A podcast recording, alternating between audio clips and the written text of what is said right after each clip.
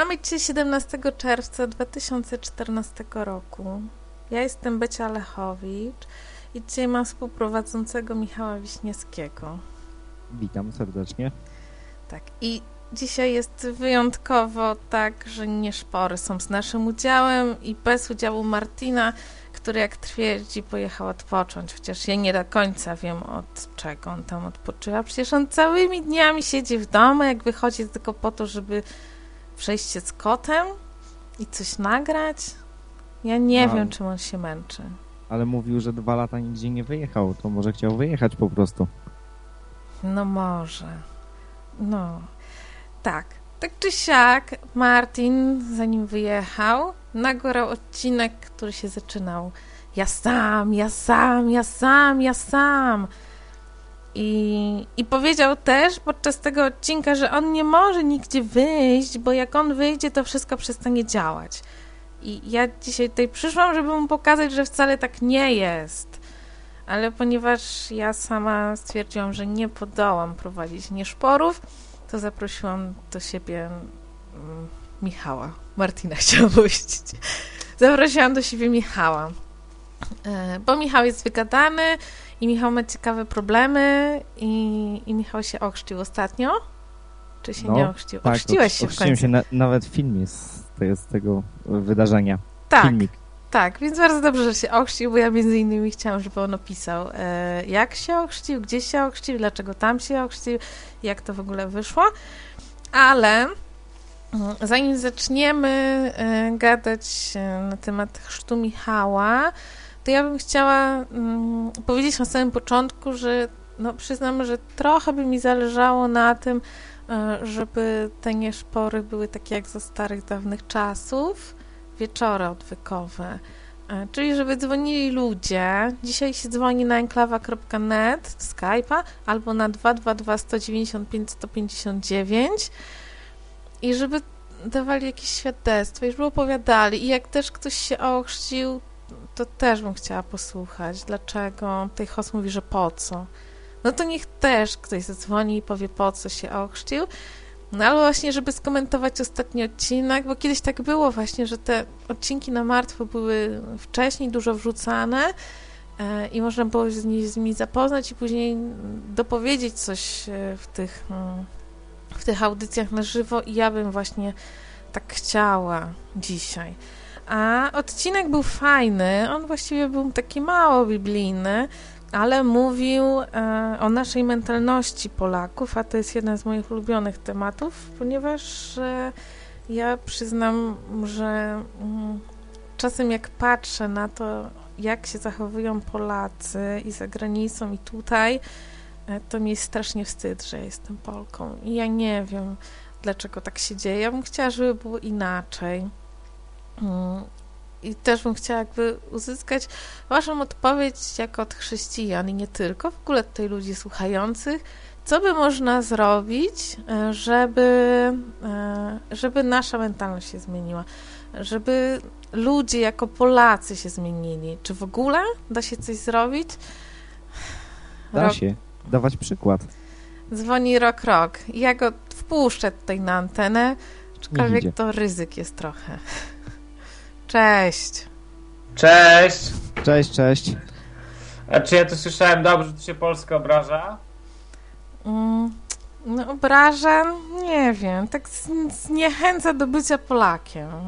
Nie wiem. Ja ostatnio, słuchaj, sobie taki mieliśmy zlot takich, takich troli i szliśmy sobie z flagą Rosji przez, przez Poznań i krzyczeliśmy Władimir Putin i te, i jacyś Polacy się właśnie zatrzymali i nam wyrwali tą flagę, chcieli nas pobić. No i dlaczego tak się dzieje? Dlaczego A, my im, a Polacy... ja im mówię, wiesz, bo ja, ja miałem taką czapkę NKWD, na, na, na oryginalną czapkę NKWD miałem na sobie i flagę Rosji w ręce i krzyczę Władimir Putin, królem Polski, czy coś w tym stylu. Polski? I, i, oni, I oni nas zaczepiają i chcieli nas, nas pobić, a ja im krzyczę, że ludzie, wyluzujcie, my sobie jaja robimy, no tak naprawdę tego nie chcemy, nie? A oni mówią, nie możecie sobie robić takich żartów, wypierdalajcie do Rosji i w ogóle, ja mówię, ale to żarty, a oni mówią, nie, tu nie, nie można tak żartować, a my, ale można, a nie, że nie można, może, że można, że nie można. W końcu nam wyrwali tą flagę z ręki, połamali nam ten ten kij, flagę ukradli, kij wyrzucili do kosza, ale na środku ulicy tak z piskiem opon się zatrzymali, nie? No. A nie pomyśleliście, czemu flagę ukradli? No bo, bo, bo to byli tacy trochę kibole i wśród kiboli to się tak kradnie te flagi, bo to są takie, wiesz, plemienne instynkty. To oni się jeszcze za- zatrzymali na, na, na etapie Homo erectus i mi się wydaje, że to wynika z tego po prostu, że te, te takie prymitywne instynkty, takie, mm, wiesz, pierwotne rzeczy to, to jeszcze zostały. Znaczy chyba, że w Biblii nie ma Homo erectus, bo się nie orientuję. Właśnie, według Biblii jest Homo erectus czy nie? Czy jest tylko Homo sapiens sapiens od razu? Nie no, według Biblii jest od razu homo sapiens sapiens. Wiesz, Bóg stworzył. jest Ale to jak wytłumaczyć istnienie tych ludzi? To jest jednak argument za ewolucją w jakimś tam sensie dla mnie, nie? Że ci ludzie są Nie. jednak trochę w nie, na niższym stadium. Ja, że pytanie, czy są w najniższym stadium rozwojowym, czy intelektualnym, bo to są, wiesz, dwie różne A to się sprawy. jedno z drugiego e, chyba wynika, wiesz? Chyba nie, chyba nie. No dobra, w każdym razie przyjmując jednak teorię ewolucji roboczo chociażby na chwilę, to oni jednak byli tam te dwa poziomy jeszcze niżej. I kurczę, no nie można takim ludziom wytłumaczyć poczucia humoru, czy takich, wiecie, że to teraz jest, jest, jest takie kontrowersyjne, to dla jaj ktoś może sobie to chcieć robić, czy coś w tym stylu. Tylko po prostu trzeba iść i lać w mordę od razu, nie zastanawiać się. Bo to trzeba zejść do ich poziomu. Wiesz, jesteś za inteligentny na to i, i kiedy rozmawiasz z, nim, z nimi, oni widzą w tobie idiota.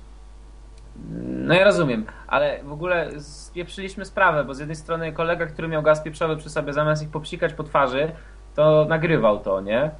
Ale byłoby w sumie spoko, że to nagrywał, bo byłoby fajne nagranie, tylko że zamiast nagrać, to nacisnął zły przycisk i ani mu się nie nagrało, ani ich nie popsikał gazem pieprzowym, więc byliśmy trochę na niego wkurzeni. No, to było smutne. To ja tutaj do tej historii dopowiem tyle, bo zapewne Skała nie słuchałeś odcinka Martina tego na martwo, nie? Nie słuchałem, słuchaj, bo sobie właśnie przypomniałem, że jest jakiś odwyk czy coś takiego teraz dopiero, nie? Aha, no właśnie.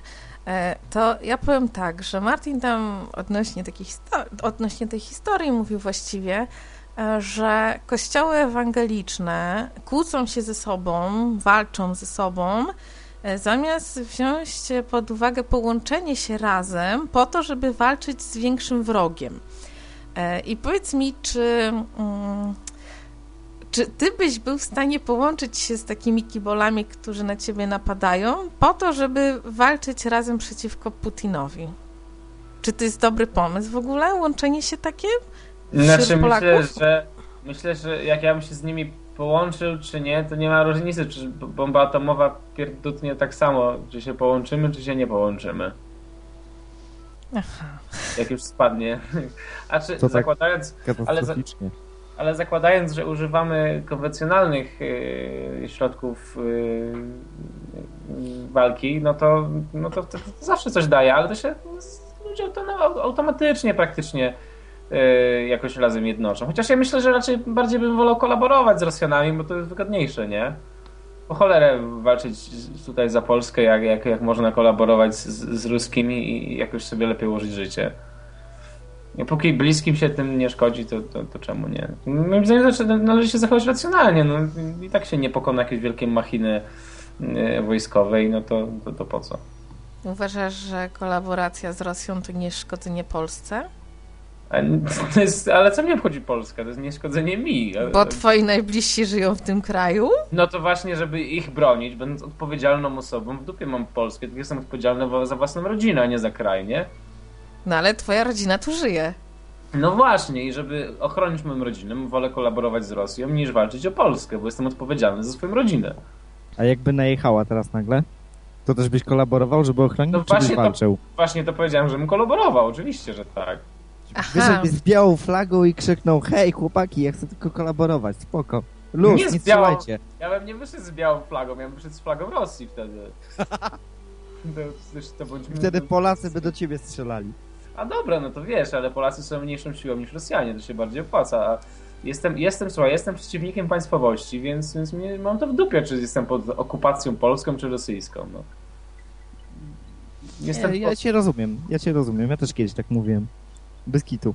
Znaczy nie, ja, wiesz, jeżeli póki funkcjonujemy w normalnych y, rzeczywistości, nie, to jestem jak najbardziej, popieram y, to, żeby Polska miała silną pozycję, ją budowała i tak dalej, i nie żeby ją tam jakoś rozbijać. Ale gdyby groziło mojemu życiu, mojemu lub mojej rodziny jakieś zagrożenie, no to, to mam w dupie ten, to, to państwo. No, no. A masz jakiś... Wiesz, tylko raz się żyje, nie? Nie ma nic po śmierci. Racja. No oczywiście. E, a czy ty masz jakiś pomysł, e, jak e, moglibyśmy zmieniać sposób myślenia Polaków, czy tam sposób zachowywania Polaków, po to, że jak wyjeżdżają za granicę, to żeby nie robili jakby mm, stereotypu każdego Polaka, który u nas żyje jako najgorszego debila i pijaka? Wiecie co, przed chwilą przed chwilą rozmawiałem z moim kumplem na ten temat. On mieszka właśnie w Wielkiej Brytanii i mówił mi, że ostatnio sobie w Subwayu kupował kanapkę i, i jak jacyś Polacy weszli do tego Subwaya ze swoimi rodzicami, to się czuli strasznie, on się czuł strasznie zażenowany, bo oni wręcz po polsku mówili, yy, zamawiali kanapkę w Subwayu po polsku w Wielkiej Brytanii, nie? Mhm. Czy można to zmienić? Yy, bardzo ciężko mi się wydaje. No nie, no najprostszych ludzi się nie da zmienić od jakiegoś poziomu tak, można to wpływać, można jakoś coś, coś, coś zmieniać. Yy, ale na takiej zasadzie, żeby, żeby zmieniać każdego, to, nie. Zresztą po co zmieniać? Czemu, czemu miałoby nam na tym zależeć? Jak ktoś chce, kurczę, robić z siebie idiotę, to niech z siebie robi, no. Ponieważ e, na przykład z jakiegoś powodu jest bardzo ciężko Polakowi dostać wizę do Stanów, bo nie jesteśmy zbyt mile widziani w Stanach. No dobra, ale wiesz, Yy, hmm. No ale jakbyś chciała to właściwie zmieniać? Ustawowo, czy, czy, czy na No nie wiem, nie, ja bym chciała zmieniać jakoś mentalność tych ludzi, tylko ja nawet nie wiem, co ja mam im mówić, żeby oni się zmienili, wiesz? Hmm, wiesz co, mi się wydaje, że to trochę kwestia wymiany pokoleniowej jest w dużej mierze, ale też tego, żeby kurczę, Polacy się zbyt nie przejmują wszystkim, zbyt wszystko serio biorą. Ktoś chce coś właśnie rzucić dla jaj, Y, tak y, bez, bez, bez jakiegoś wielkiego y, przywiązania, oni to wszystko zbierają strasznie serio. Swoją drogą host, kurczę, weź człowieku trochę wyluzuj tam na czacie, bo nie popieram Korwina, to bez takich zarzutów, bez, bez, bez obrażania. Dobrze, to już idź sobie na czata i dyskutuj z Hosem. No bo nie, no słuchajcie, no bo jak można zarzucać komuś popieranie Korwina? Ale słuchajcie, czemu rozmawiamy o polityce właściwie? I, nie, ja tylko tak... zaczęłam o tej mentalności Polaków, bo no bo znowu miałam takie do czynienia tam, wiesz, z obcokrajowcem i ten i tak mi przykro. A słuchaj, jeżeli mogę, Becia, bo zadzwoniłem, bo słyszałem o tych Polakach, a, a właściwie to w, w kontekście Biblii, o, o, jak, jak to umiejscawiasz, do czego się to odnosi, bo chciałbym, żebyśmy przeszli do, do, do samego tematu audycji, jeżeli można, jeżeli jeszcze można chwilę porozmawiać. E, więc jaki jest temat audycji? Jest Zaczę, jakiś temat... Zaczęła, za, zaczęłaś o tym ja sam, ja sam. Ja tam mam jeszcze w głowie w razie czego kilka tematów, ale to takich hardkorów mam. Tak, że... E, a, no właśnie. Też Martin mówił w swojej audycji o tym, że e, między innymi mówił o komiksach. E, że komiksy w Stanach mają rację bytu i ludzie mają rację mm, zarabiania na tym, w sensie takim, że jak ktoś chce robić sobie komiksy, to sobie robi i wie, że to do jakiegoś tam grona podejdzie, na przykład dlatego, że jest e, jakaś tam strona e, stworzona przez kogoś, do której się wszyscy dorzucają. A jak on chciał coś takiego zrobić w Polsce, napisał do e, kilku ludzi, którzy zajmują się komiksami tak profesjonalnie, sensie, że zarabiają na tym i są tam znani. I chciał właśnie stworzyć, żeby wszyscy się wrzucili na, na jedną stronę i żeby po prostu ci nowicjusze się tam dorzucali, to oni mu napisali nie, no chyba, że tam zapłacisz, a połowa to w ogóle nie odpowiedziała na to, co on tam myśli, olewając go totalnie. Mhm. I ten odcinek był o tym, że wtedy, e, kiedy się ludzie połączą ze sobą, e, to osiągną lepszy efekt za mniejsze pieniądze i wszystko będzie o wiele lepsze, ale Polacy niestety mają taką mentalność, że wszystko ja sam, ja sam, ja sam. E, I że to wynika z różnych powodów. To, że trzeba tam między innymi kogoś przyuczyć i że to trwa i tak dalej. Że wszystko na początku mm, zajmuje o wiele więcej czasu, ale tak jak ktoś już się odważył i to zrobił, no to widzi, że mm, z perspektywy to jest okej, okay, bo znaczy, e, efekt co? końcowy jest taki, że faktycznie za mniejsze pieniądze osiągasz dużo większe korzyści wtedy, kiedy dopuścisz kogoś do siebie i robicie to razem, nie? Wiecie co, jaki jest problem trochę w Polsce, że masa ludzi żyje na, na krawędzi utrzymywania siebie jako takich w ogóle, więc nie, nie stać ich nawet, żeby do czegokolwiek dokładać przez chociażby chwilę, nie?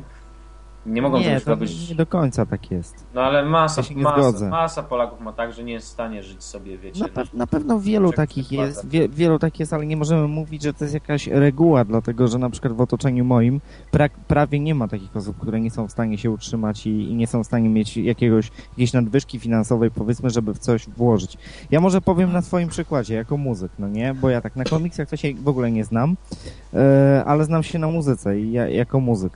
I, i po, na, na, zachodzie jest tak, jak obserwuję na przykład jakieś takie grupy, nie wiem czy kojarzycie taką, takie trio funkowe, Dirty Loops, oni robią covery e, znanych przebojów, Britney Spears, e, Adele i, tak, i tym podobnych, na taki bardzo, bardzo widowiskowy, słuchowo funk. I to jest trzech gości i oni prawdopodobnie z tego, że zaczęli robić ten projekt, nic kompletnie nie zarabiali, ale się spiknęli, świetni muzycy zaczęli współpracować. I ja miałem kiedyś pomysł na zrobienie bandu i w Polsce to jest tak, jak chcesz wziąć dobrze grających muzyków, to oni chcą tylko hajs. Nie ma w Polsce myślenia ideowego, że mamy jakiś cel, chcemy zrobić coś fenomenalnego i pójść za tym. Liczy się tylko tak, idziesz na jam session, proponujesz komuś granie, pytanie numer jeden jest, ile płacisz za to? Mhm. Więc to jest, to, to jest taka... To jest bez sensu, bo tak się chyba nie zakłada zespołu w ogóle na tej zasadzie, że ile za to płacisz. To, to w ogóle zabija całą y, atmosferę muzyki. Takie sobie chyba na starcie już chcę powiedzieć, to spierdalaj tak, w takim razie. Tak, ale jeszcze nie przeklinaj, to odwyk. Ale jeszcze chciałam powiedzieć jedną rzecz, bo Martinowi chyba nawet nie chodziło o pieniądze, ale skoro już jesteśmy przy tych muzykach, to jemu chodziło o to, że e, jesteś muzykiem, i zamiast sam od początku sobie robić gitarę, to idziesz i tą gitarę od kogoś kupujesz. Więc dajesz pracę komuś, kto tą gitarę stworzył, komuś, kto tą gitarę ci sprzedał, no i później dajesz uciechę tym, którzy chcą cię słuchać. Jemu chodziło właśnie o to, żeby stworzyć taką grupę, która tworzy jedno ciało, czyli jest pięć osób, nie? Jedna robi za oczy, druga za usta, trzecia za ręce i czwarta za, za nogi i piąta jeszcze za coś tam. E, i żeby po prostu razem e, współpracować. Że bez sensu jest, żeby każda osoba robiła e, tą samą rzecz, tak jak każdy by miał sobie sam robić gitarę, bo wtedy te gitary byłyby za o wiele większe pieniądze i o wiele dłużej by trwało powstanie jej. Więc lepiej jest na przykład do robienia gitary sobie kogoś wynająć, do sprzedaży kogoś, I później tam do grania, nie wiem, do później sprzedawania piwa, e, do tego grania, czy, czy tam jakiegoś jedzenia, tak? To o to chodzi. No i moim zdaniem właśnie w Polsce mamy, my Polacy, mamy tak zakodowane, to jest chyba tak wynikające z małej pokory, która jest w nas, że ja nie będę niczego robił z nikim, E, bo ja to zrobię najlepiej, więc bez sensu, żeby ktoś był ze mną, bo ja i tak będę musiał po nim poprawiać, nie? Ja na przykład w mojej pracy tak często mam, że tych rzeczy, które ja robię, oczywiście myślę, że każdy by zrobił po dwóch tygodniach nauki, ale ja to zrobię bardziej perfekcjonalnie, tak, że będzie, nie wiem, zapisane jakoś ładniej, wykonane, zaklejone ładniej, E, I ja nie lubię, jak ktoś wykonuje moją pracę. No chyba, że jest taka już ostateczność, tak? Ale normalnie nie lubię, jak ktoś wykonuje moją pracę, bo ja się później mam pod tym podpisać i jest mi z tym źle, że to nie jest wykonane perfekcyjnie, tak jak ja lubię, żeby było, nie? I właśnie Martinowi chodziło o to, żeby podzielić swoje obowiązki tak, żeby e, każdy miał swoje zadanie i razem złączone te zadania, żeby dawały e, super efekt. Rozumiecie? Tak, tylko to ja dokładnie o tym samym mówię, tylko że, że w, no jak się montuje zespół powiedzmy muzyczny, no to na przykład w kontekście mnie, są tacy ludzie na świecie, którzy są wybitnymi muzykami, wybitnymi aranżerami przy tym, którzy potrafią zaaranżować cały numer na całą orkiestrę jako sami. Ja tak na przykład nie potrafię i kiedy, kiedy szukam muzyków do kapeli, to szukam dobrych muzyków, e, którzy mają pojęcie o tym, jak swoją partię dopasować ten. I wspólnie na przykład siedzimy albo pracujemy w domu i myślimy nad tymi partiami. Problem polega na tym, że ludzie nie chcą tego czasu poświęcać na to.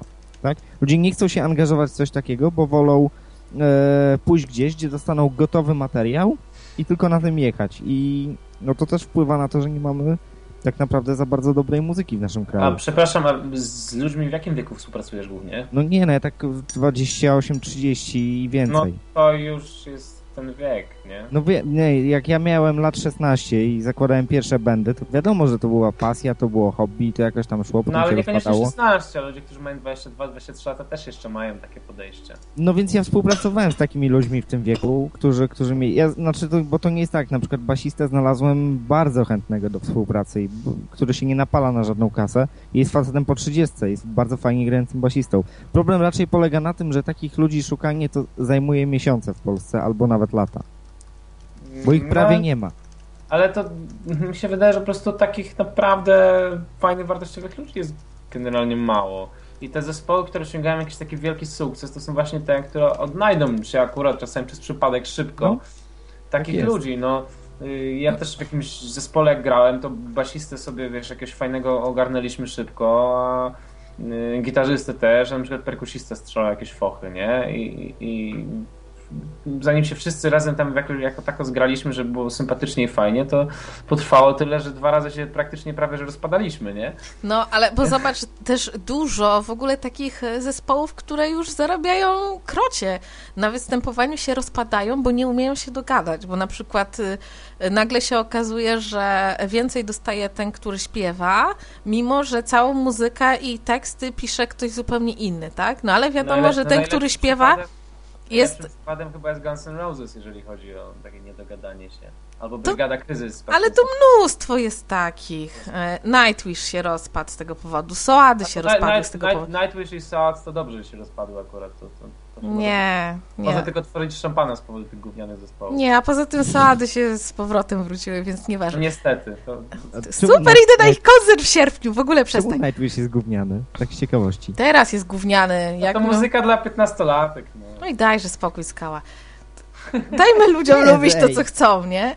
Ale, Ale- to, co robili kiedyś z tą pierwszą wokalistką, było całkiem spoko. No właśnie, to było rewelacyjne. Dobra, Jak ona odeszła, to w ogóle nie. Że, no, Various Monks na przykład. Anita Ale Lipnicka to- była niezastąpiona w ogóle. Ale Soad to dobrze, bo to lewacy są strasznie. To, tak, to mój mąż też mówi. Ale nieważne, to jest nieważne. Ważne jest to, że w którymś tam momencie grupa, e, która jest, e, przestaje się ze sobą dogadywać, no bo jest za dużo liderów, za dużo. Później już właśnie chodzi o pieniądze i tak dalej, i tak dalej, nie? Więc e, no, problemów jest strasznie dużo w utrzymaniu nawet czegoś, co trwało przez 20 lat. No ile gałsi grali? 25 lat? 30? Nie, Gansi jako tak de facto grali, no kurde, no w sumie ponad 10 lat, nie? Ale No właśnie. Tam u, szczytu, u szczytu kariery byli przez, przez parę lat. E, I przeminęli, przeminęli właściwie przez to, że ich wokalista był, miał prawie tak duże ego jak ja, no. No. no. Nie ukrywajmy, skała masz dużego. Ale chodzi o to, że jeśli na przykład, wiesz, już na takim poziomie grupy się rozpadają, to, bo każdy chce robić sam, bo każdy ma nowe pomysły i nowy pomysł i na grupę, i na występowanie i wszystko, tak? Wiesz, wiesz, jak przez 10 lat nie umieli się dogadać, no bo jak coś się rozpada, to jest to chyba tak jak z małżeństwami. Jak coś się rozpada po 10 latach, to to się nie bierze tak o, nie? Tylko po prostu coś już musiało być, no, od samego początku, że po prostu ludzie się nie dogadywali i w końcu po 10 latach mówią sobie dość. I to jest chyba właśnie ze wszystkimi innymi grupami, które tak robią, że jak chcesz robić sam i nie patrzysz jakby na to, co jest dookoła, a już najgorsze e, to jest, jak są zespoły, które grają dla siebie, a nie dla fanów, nie? Czy tam dla słuchaczy, bo oni fanów nie będą mieć. No, Czyli to odnosząc to do tego, że to jest odwyk, to dobry chrześcijanin powinien mieć do zespołu takie podejście jak do Boga. Raczej, a dobry lider jak Bóg do niego. O, dokładnie. powinny być e, ustawione priorytety. Takie, na przykład, no, nie wiem jak to się sprawdza w muzyce, tak? Ja tam raz miałam, znaczy przez jakieś tam pół roku śpiewałam kiedyś w takim jednym zespole, ale to ogólnie nie miało racji bytu, bo nie byliśmy dobrzy. powiedzmy sobie szczerze. Ale takie zespoły są najlepsze, słuchaj. Tak, no my się spotykaliśmy się pobawić, nie? E, tam i próby były fajne, naprawdę były fajne. E, ale no, nigdy żeśmy tam nic nie osiągnęli, nie planowaliśmy chyba nawet, bo już tam chyba pierwszym występie, czy tam w pierwszym odrzuceniu nas skądś tam, tak? E, już żeśmy, do, dotarło do nas, że nie, no ale zabawa była przednia, więc żeśmy to robili.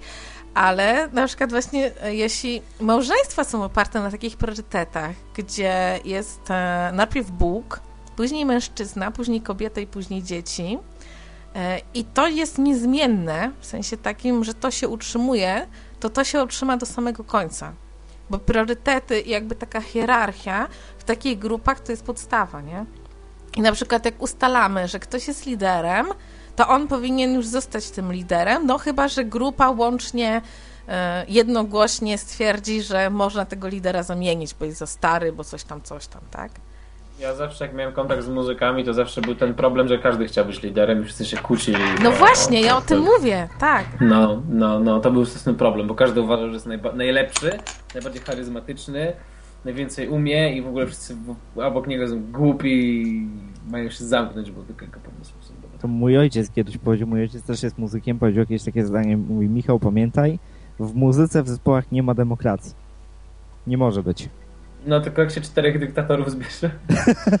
To wtedy, nie, to wtedy zespół się nie utrzyma. Nie, O, w nie, nie zespole ma to z mojego doświadczenia też musi być jakaś hierarchia, tylko, tylko jeszcze pytanie, jak wygląda to liderowanie? Ja kiedyś byłem jeszcze, zanim się nawróciłem, w końcu odwyk, to mówimy o tym, zanim się nawróciłem, to byłem takim gościem, który stawiał na swoim, albo jak nie to wypierdzielać, no nie? I to I- pewnie bardziej brutalnymi słowami. No tak, ale generalnie i to nie przynosiło dobrych efektów generalnie. To spowodowało spory. A teraz rozumiem, że chyba w tym liderowaniu polega na tym, że nie można być dobrym liderem, jeżeli się nie jest dobrym przykładem, no nie? Powiedzmy pracy, powiedzmy zaangażowania, powiedzmy e, sumienności, wytrwałości w jakimś celu postanowionym. E, I nie można być też dobrym liderem, e, na przykład trzymając kogoś, kto nie przynosi, jak w Biblii nie powiem, owoców tej współpracy. Czyli może być na przykład świetnym muzykiem. Ja ten błąd popełniłem kiedyś, bo ja akurat byłem liderem właśnie w zespole yy, i miałem w swoim zespole ludzi, którzy przychodzili nieprzygotowani na próby. Ja ich trzymałem dlatego, że nie było nikogo innego i to stało. I to jest taka mentalność. Jak są ludzie, którzy chcą porobić hobbystycznie, to oni się nastawiają na to, że a, bo ja przychodzę se pograć. Nie ma jakiejś idei, nie ma jakiegoś planu, nie ma jakiegoś... A jak chce się szukać naprawdę świetnych muzyków, to oni wszyscy pierwsze pytanie walą, ile, ile płacę. Mhm. I to nie jest tak jak na zachodzie, że grupa przyjaciół czy grupa ludzi, nawet w wieku 30 lat, potrafi się spiknąć naprawdę wybitnych muzyków. Tak powstała grupa Toto. Grupa wybitnych sesyjnych muzyków e, spiknęła się i stwierdzili, że zrobią sobie band. I zrobili jeden z najlepszych bandów w historii muzyki rockowej. Jeżeli kojarzysz grupę Toto. No jasne, znaczy może nie do końca rockowej, ale Nie no, to jest rockowa grupa. To jest taka progresywna rockowa, ale bardziej rockowa niż progresywna. Oni mieli różne kawałki, ale mniejsza o to. Dobra, właśnie, kończmy już z tematem muzyki. nie, nie wchodźmy już w takie fa- faryzejskie spory. W każdym razie na zachodzie to jest powszechne. Tak bandy powstają i robią wielką furorę i tam współpraca działa. A w naszym kraju jest to jakoś porąbane, że ludzie nie chcą, tylko jedyne co, to ja sam zorientuję, żeby jak najwięcej kasy wyciągnąć. No, Dajcie kwity, dajcie ten, ja zagram szybko, kasę płaćcie, ja idę gdzie indziej. Fakt faktem, że, że, że i kończąc y, temat zespołów, to w Polsce jest tak, że albo ludzie są do dupy i wtedy chętnie bez pieniędzy, albo są dobrzy i Tak, wtedy tylko z dokładnie tak jest, dokładnie tak jest. No. Aczkolwiek tych do dupy, którzy nie chcą pieniędzy, tak naprawdę, jeżeli chodzi o ludzi, wydaje mi się być bardziej w porządku niż ci, którzy zawsze chcą kasę. tam to nie ma żadnego mają, znaczenia. tam- Oj, mają- ma, dużo Ma, ma. tam ci, tam ci przynajmniej mają pasję, wiesz. No. Oczywiście. Dobra, Wiecie co? skała. Co z tego, że jest pasja, jak przychodzi ci i on nie umie grać? No. Co mi z pasji? Jak per wezmę perkusistę z pasją, który gra nierówno. Dobra, nieważne, to już jakieś te techniczne pierdoły. To... Ale weźmiesz Kazika, który nie umie śpiewać i jest zajebistym wokalistą jednocześnie. Co? A taki Kazik to się rodzi, wiesz, jeden na ileś. No jasne. Skała, ja cię zrzucał. Na razie. Pa. Trzymaj się. Skała poszedł. Temat muzyki ten. Dalej jakby wracając do odcinka Martina, powiedział coś takiego, że bieda się stąd bierze, ponieważ każdy chce robić samemu i chce robić po swojemu i to właśnie długo trwa i jest nieekonomiczne i niepraktyczne i wszystko w ogóle, e, co jest e, złe, to ten. Czy ty się z tym zgadzasz, Michale? Ja nie wiem, czy się z tego bieda bierze. Nie, nie z tego się bieda bierze. Idąc za tym, co ostatnio obejrzałem, co wrzuciłaś na Facebooka tego Jana Fiora, to bieda się bierze z wyboru. Ale e, wiesz, no ludzie się dodają też ogromnych pieniędzy, wychodząc z założenia ja sam, ja sam, więc nie możemy wyciągnąć wniosku, że e, bieda jest stąd, że nam się nie chce współpracować. Um, inaczej. Jak na przykład masz kogoś, kto już ma mm, firmę gotową, ale po prostu potrzebuje gościa do organizacji, e, to e, czy mm, uważasz, że lepiej będzie przyłączyć się do tego, kto już ma firmę, czy zacząć budować firmę od początku, wykorzystując swoje zdolności organizacyjne? Ja wolałbym się przyłączyć. No właśnie. Znaczy, to ja, ja tak uważam.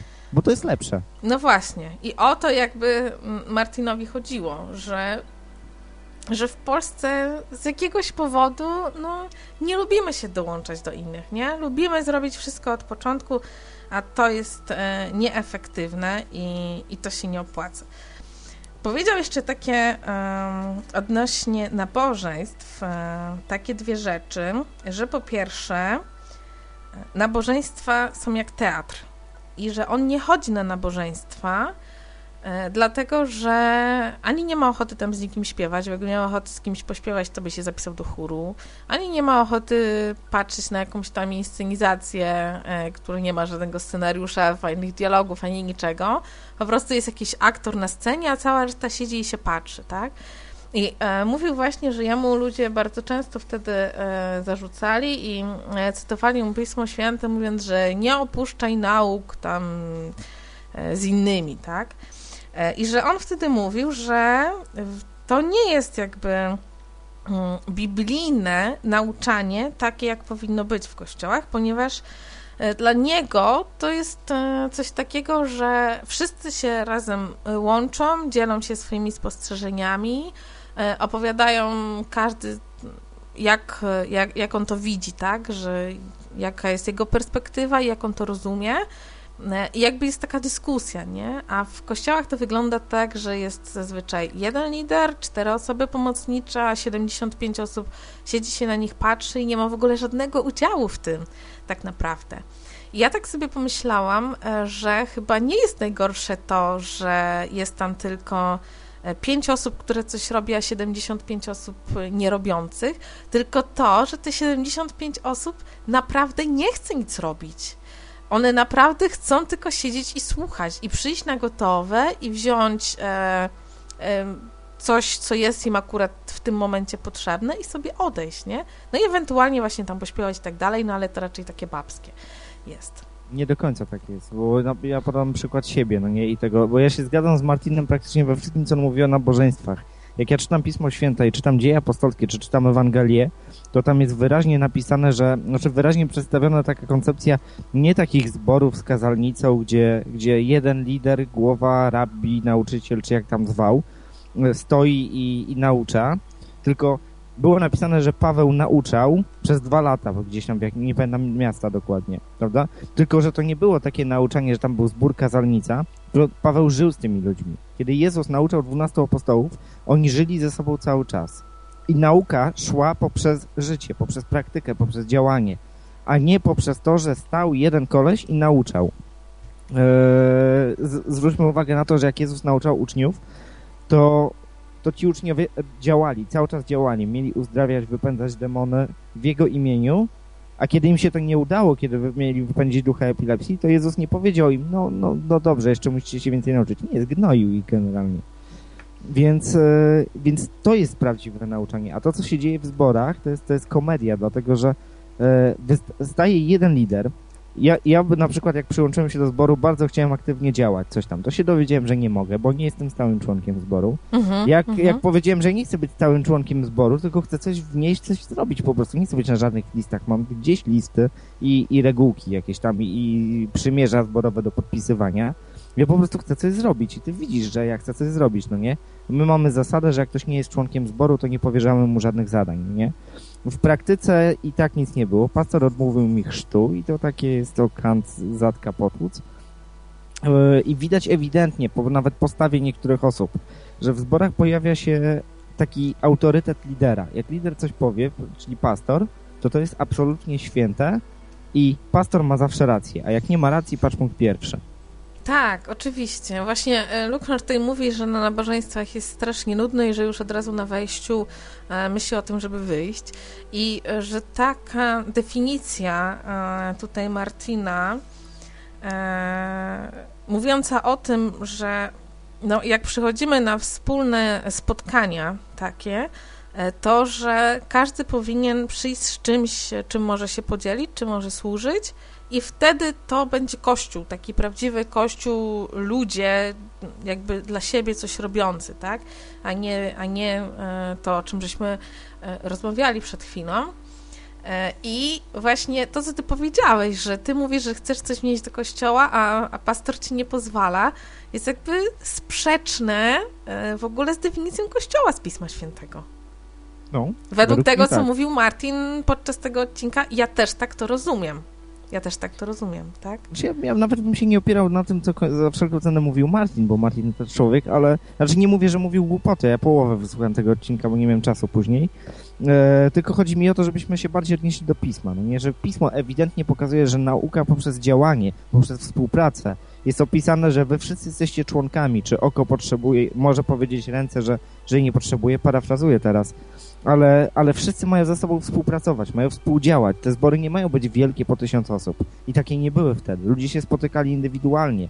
Brali nauki od apostołów, ale nie dlatego, że, e, że, że trzeba mieć jakiegoś lidera za wszelką cenę, tylko dlatego, że to byli apostołowie, to byli ludzie, którzy widzieli Jezusa na żywo, którzy byli Jego uczniami.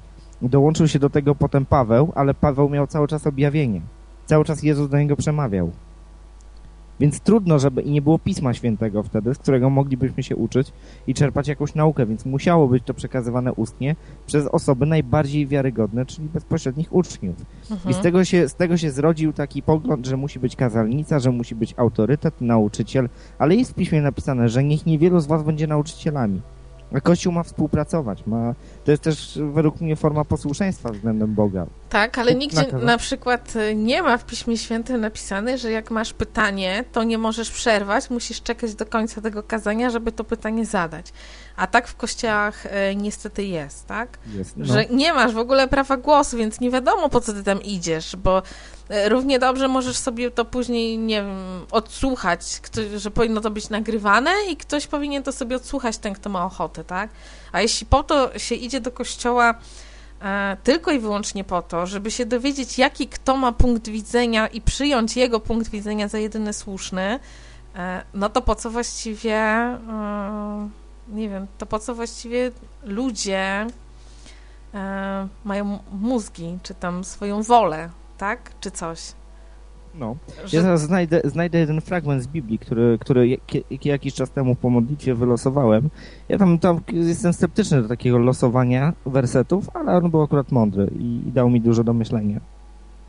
E, już mam, to jest 17 rozdział Księgi Jeremiasza i nie będę, nie będę tego całego czytał tylko to znajdę chwilkę. Dobrze. To ja w międzyczasie mogę? Mhm, mów, mów, ja jeszcze, znajdę. Tak, jeszcze w tym odcinku padło takie, moim zdaniem, najważniejsze, najmądrzejsze w ogóle stwierdzenie. Było e, mówione o tym, czy my rozumiemy drugiego człowieka. I było powiedziane, że trzeba mieć respekt i szacunek dla zrozumienia świata drugiego człowieka. Przejąć, patrzeć z jego perspektywy, bo dopiero wtedy, jak zobaczy się świat z jego perspektywy i zobaczy się to, co on widzi, to dopiero drugi człowiek jest w stanie zrozumieć, o czym tamten mówi. I to też jest, e, no, myślę, że największą wadą chrześcijan i nie tylko, w ogóle wszystkich ludzi na całym świecie, że my nie umiemy patrzeć e, poprzez oczy innego człowieka. I tutaj sobie tak pomyślałam, było o tych e, członkach ciała, że tam ręka bez oka jest chaotyczna i tak dalej. I pomyślałam sobie o ludziach niewidomych. E, przeczytałam gdzieś ostatnio taką, mm, taką historię, e, jak jedzie sobie ojciec z synem w pociągu. No i ten syn otworzył sobie okno i się zachwyca wszystkim, e, co widzi i mówi, o patrz, trawa, patrz, ptaszki latają i ćwierkają, wiatr się obija o moją rękę, jak wystawił ją za okno. I tak opowiada i tacy młodzi ludzie siedzą naprzeciwko właśnie tego ojca i mówią, e, może powinien pan zabrać tego swojego syna do jakiegoś dobrego lekarza, tak? Wychodzili z założenia, że on musi być trochę upośledzony i on mówi, tak, zebrałem go, właśnie wracamy od okulisty, mój syn odzyskał wzrok i pierwszy raz widzi to wszystko. E, I tak sobie właśnie pomyślałam, że chyba e, ludzie niewidomi, e, głuchoniemi, albo tacy, którzy nie odbierają świata przez wszystkie dane człowiekowi rzeczy, e, to są w stanie bardziej zrozumieć drugiego człowieka niż ten, który widzi, słyszy i tak dalej. Bo mimo, że my mamy oczy i, e, i uszy, to połowę rzeczy nie dostrzegamy i połowę rzeczy nie słyszymy. Bo wszędzie jestem głównie ja, i ja, i ja. I w kościołach, powiem tutaj, ja byłam przez 5 lat w kościele katolickim i prawie 5 lat w protestanckich się obracam tutaj. E, to jakby zauważam, że niestety w kościołach protestanckich, ewangelicznych, to jest jeszcze gorsze. Może dlatego, że te kościoły są mniejsze, jest to bardziej zauważalne, e, że e, po prostu ja coś idę i mówię, choćby właśnie przez. idę do pastora, tak? Bo miałam taką samą sytuację jak Michał, że idę do pastora i ja mu mówię, rozmawiam z nim na jakieś tam tematy dotyczące Boga i wiary, a on mówi, zapisz się do nas. Bo jak się zapisze, to on od razu dostanie jakby tam więcej pieniędzy czy coś. I on tylko patrzy na siebie, nie? Że dołącz do nas, bądź ten. Nie, nieważne w ogóle, co ty tam robisz, jakie są e, twoje poglądy i tak dalej, i tak dalej. Bądź tylko członkiem naszego kościoła. I przyznam, że to jest strasznie przykre. Oczywiście zdarzały się takie momenty, y, gdzie ludzie sobie tam nawzajem pomagali i to było nice. Ale... Y, no ale niestety, no tak jest, że nie ma takiej łączności między, e, między ludźmi e, i takiego pomagania obcemu, jakie, jaką miał Jezus, nie? Jaką ja bym chciała, żebym ja miała i żeby chrześcijanie wokół mnie mieli. Tak sobie postrzegam chrześcijaństwo. Że takie spojrzenie właśnie, wejście jakby w drugiego człowieka i, i patrzenie na to życie E, z, z jego perspektywy, tak? A nie mówienie, że ojej, to, to twoje problemy to są żadne problemy, ja to dopiero mam problemy. Albo czym ty się tak przejmujesz, w ogóle będzie dobrze, nie, nie użalaj się nad sobą i tak dalej, e, bo, bo są ludzie, którzy mają gorzej i coś tam. I no nie wiem, ja jakoś e, no nie widzę tego w dobrym świetle, niestety. A bardzo bym chciała, żeby było więcej takich ludzi, postrzegających jak Jezus. Czy to jest możliwe w ogóle? No to jest mało możliwe, dopóki ludzie będą podążać za pastorami, a nie podążać za tym, jak Chrystus nauczał i jakie On miał postawy. Ja przeczytam ten werset, bo go znalazłem, bo on jest idealnie w kontekście. E, to jest Księga Jeremiasza, rozdział 17 i od wersetu 5 czytam. Mhm. Tak mówi Pan, przeklęty mąż, który na człowieku polega i z ciała czyni swoje oparcie, a od Pana odwraca się jego serce. Jest on jak jałowiec na stepie i nie widzi tego, że przychodzi dobre, mieszka na zwietrzałym gruncie na pustyni w glebie słonej, niezaludnionej. Błogosławiony mąż, który polega na Panu, którego ufnością jest Pan. Jest on jak drzewo zasadzone nad wodą, którego, które nad potok zapuszcza swoje korzenie. Nie boi się, gdy upał nadchodzi, lecz jego liść pozostaje zielony i w roku posłuchy się nie frasuje i nie przestaje wydawać owocu.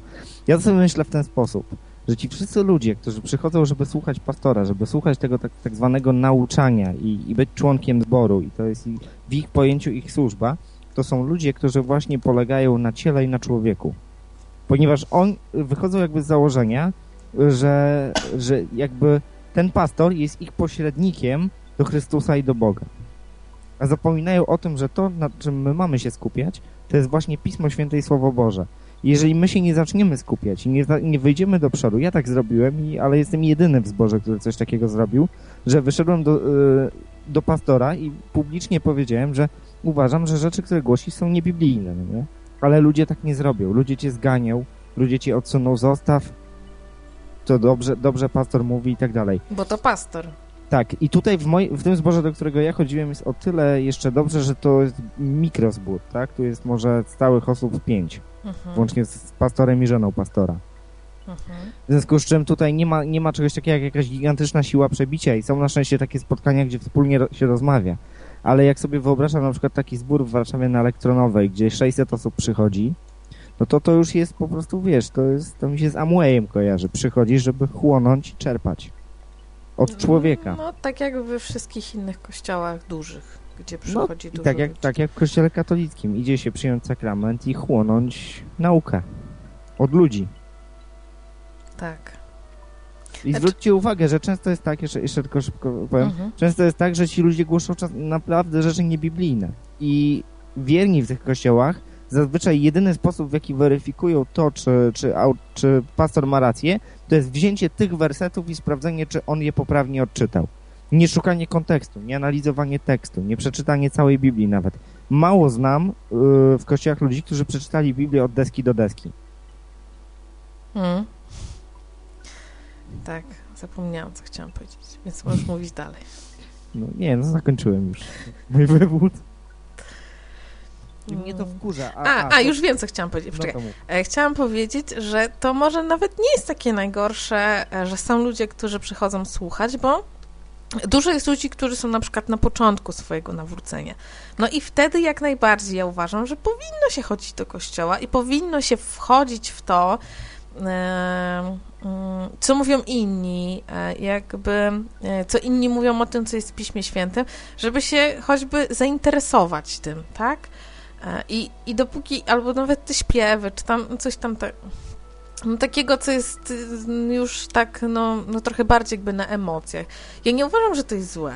Ja uważam, że dla początkujących to jest bardzo dobre, no bo, bo basy tak lubią. Lubią jakieś brzęczące maskotki, lubią jakąś mm, muzykę wesołą, tak, jak im mama śpiewa czy coś, bo basy to lubią. Więc ja uważam, że to jest fajne na początku, Tylko, że później, jak już ktoś dorośnie i chce jakby świadomie dołączyć, e, to powinno się mu na to pozwolić, nie? I jeśli by tak było, że oni e, mówią same mądre rzeczy e, i te rzeczy są e, zgodne z Pismem Świętym i oni po prostu przekazują e, w no, bardzo spójny z Pismem Świętym e, to, co mówił Jezus, to ja nie mam nic przeciwko. No bo to jest tak, wiesz, trochę jak po prostu sobie na, e, na audiobooku nagrać Pismo Święte i sobie słuchać, nie? No ale niestety bardzo często tak jest, że ci ludzie, e, mając na uwadze potrzeby swojego kościoła, e, mimo że uważają, że to w kościele katolickim e, w ogóle te msze nie mają nic wspólnego, czy cały kościół katolicki nie ma nic wspólnego e, z Pismem Świętym, no to niestety w kościołach ewangelicznych też to występuje. Ja prawdę mówię? Prawdę mówisz. Czekaj, bo ja zrozumiałem tak, że mówisz, że tak jak w kościele katolickim, że w protestanckich, ewangelicznych też występuje tak, że odchodzą od Pisma Świętego. Dobrze Tak. zrozumiałem? Tak. No to ja się zgadzam i to bardzo. Bo zobacz, jest taki, e, jak ja, jak ja czytam Biblię, to tam zawsze był taki schemat, taki prosty. Że jak głosili Ewangelię, nieważne czy oni to robili dwie godziny, czy trzy godziny, czy cały dzień, jak ktoś się nawrócił, przyszedł, ja wierzę, ja naprawdę wierzę, ochrzci mnie. Ten go brał i zanurzał. I potem trwali w nauce apostolskiej. Prosta sprawa. A dzisiaj w zborze jest tak. Yy, ja dowiedziałem się od pastora, bo męczył mnie z tym, że ja muszę wiedzieć, z czym chrzest się wiąże. To się dowiedziałem, że chrzest to nie jest tylko moje wyznanie wiary i akt posłuszeństwa yy, Słowu Bożemu, ale to jest też, a, ale nie, to jest jeszcze, pastor powiedział, że to jest e, wyrażenie czegoś przez Kościół, jako cały Kościół. I że chrzest nierozerwalnie wiąże się z przynależnością do kościoła lokalnego. Ja mówię, gdzie tak w Biblii jest napisane? Nigdzie. Nie, że to wynika z e, przekazu. Ja mówię, co z Eunuchem i Filipem, który o, Filip go ochrzcił i Eunuch pojechał do Egiptu. To, to wyjątek. No ale jest. Ale na wyjątku nie możemy budować teologii. I to jest taka dyskusja, wiesz, to nie są rzeczy biblijne, bo schemat jest w Biblii prosty. Najpierw jest chrzest, od razu nakładali na niego ręce i, znaczy nie za każdym razem, ale powiedzmy była taka, był te, wiele tak robili. Nakładali ręce, żeby wstąpił Duch Święty, prosili Boga, żeby Ducha Świętego zesłał na człowieka, żeby był chrzest Duchu Świętym i dalej człowiek trwał i żył z tymi ludźmi. Oni byli we wspólnocie. A dzisiaj jest tak, że e, przychodzisz weryfikują cię, potem cię dalej weryfikują, potem cię uczą, uczą dalej, uczą dalej, uczą dalej, Na jeszcze kursach uczą. cię uczą, Tak, Jeden kurs, na drugi które kurs, się musisz trzeci. zapisać, podpisujesz swoją obecność i tak dalej. No, no u mnie na szczęście aż tak nie było, że obecność mi sprawdzali, bo, bo nas tylko dwoje było na tym kursie. To zauważyli, tak? Jakby cię Tak, nie było. No tak. właśnie. Poza tym no, my- myśmy mieli taki kontakt, wiesz, telefoniczny cały czas, bo my bardzo blisko siebie wszyscy mieszkamy. Także, to, bo to jest malutki zbór, no jakby to było na, na przykład właśnie w jakimś tam gigantycznym zborze, to może by rzeczywiście tak było, że jeszcze dokumencik. Tak jak na bierzmowaniu w kościele katolickim. Musisz mieć karteczkę z bierzmowania, że odbyłaś różaniec, odbyłaś to, odbyłaś tamto odbyłaś śmo. I jak masz karteczkę, to masz i dwie próby do bierzmowania, to możesz przystąpić do bierzmowania i teoretycznie stępuje na ciebie na tym bierzmowaniu Duch Święty. W Biblii to wszystko wygląda absurdalnie prosto. I z tej prostoty, i z tego wersetu nawet prostujcie ścieżki Pana, komplikuje się to jak 150. No. Dobrze, teraz opowiedz o chrzcie. O moim chrzcie, Mhm. no to tak, żeby słuchacze zrozumieli, ponieważ pastor odmówił mi chrztu, to ja się, ja poprosiłem e, znajomego chrześcijanina, notabene z tego samego zboru się poznaliśmy, aby mnie ochrzcił. Po prostu. I on powiedział, że według jego zdaniem, jeżeli odmówiłby mi chrztu, to byłby to grzech przeciwko woli Chrystusa. Ja mam takie samo zdanie i umówiliśmy się, pojechaliśmy nad rzekę. E, W znaczy ja- rzece, nie w basenie pod dachem. Mm, W żadnym. Ja od, ja od początku mówiłem, że nie chcę w żadnym basenie. I to nie chodzi o to, że ja uważam, że to jest nieważne, tylko jakoś mi tak pod niebem fajniej. Na plaży było w ogóle był tłum ludzi, bo to było bardzo ciepło, bo to było w, w niedzielę dwa tygodnie temu. E, było bardzo ciepło. Dobrze mówię? Dwa tygodnie temu? Nie, tydzień temu w niedzielę. Nie w Mhm. tą teraz, tylko jeszcze tydzień wcześniej. Tydzień. Było ba bardzo cieplutko i nie miałem żadnego białego stroju, który by mi się przylepiał do ciała, tylko w, wszedłem w samych kąpielówkach i normalnie tak jak, jak prawie jak mnie Pan Bóg stworzył, kolega się pomógł. rozłączyło coś. To ja tylko dodam jakby od siebie, że, e, że jak ja chciałam się, że jak ja chciałam się ochrzcić, to e, dokładnie tak samo miałam. E, że ja poszłam do swojego pastora i ja właśnie powiedziałam, że, mm, że ja bym chciała się ochrzcić. E, I on tak samo. Kurs jakiś alfa, beta, bla, bla, bla. E, Wszystko, y, y, wszystko trzeba od początku, wszystko trzeba legalnie i tak dalej.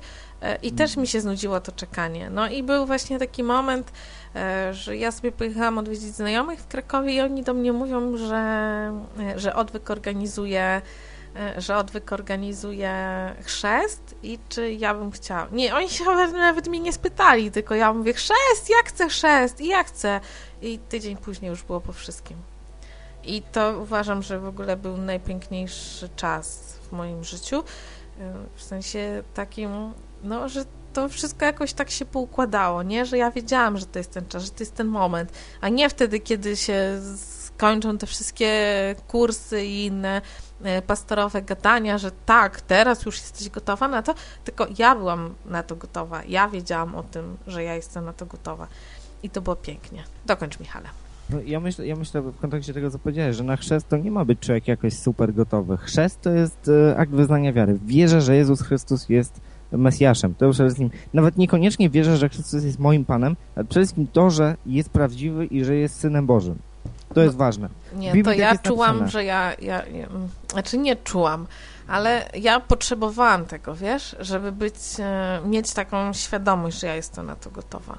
Gdybym ja Rozumiem. tego nie czuła, to ja bym się nie ochrzciła. Ja to rozumiem. No zmierzam, zmierzam jakby do tego, jak to jest w Biblii, tak dosłownie literalnie tłumacząc. Jeżeli wierzysz, jak, jak Filip chrzcił Eunucha, Eunuch się zapytał, co stoi na przeszkodzie, żebym był ochrzczony i Eun, e, Filip mu powiedział, jeżeli wie, z całego serca wierzysz, że Jezus Chrystus jest Synem Bożym, możesz być ochrzczony. I to jest pro, ta cała prostota Biblii, e, dziejów apostolskich.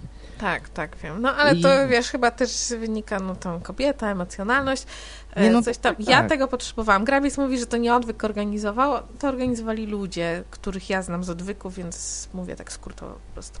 No, I pojechałem tam na miejscu, e, kolega pomodlił się, zadał te pytania mi, ja odpowiedziałem twierdząco i zanurzył mnie w wodzie. Powiedział, że na podstawie wyznania twojej wiary wykrzyczycie w imię Ojca i Syna i Ducha Świętego i zanurzył mnie pod wodę.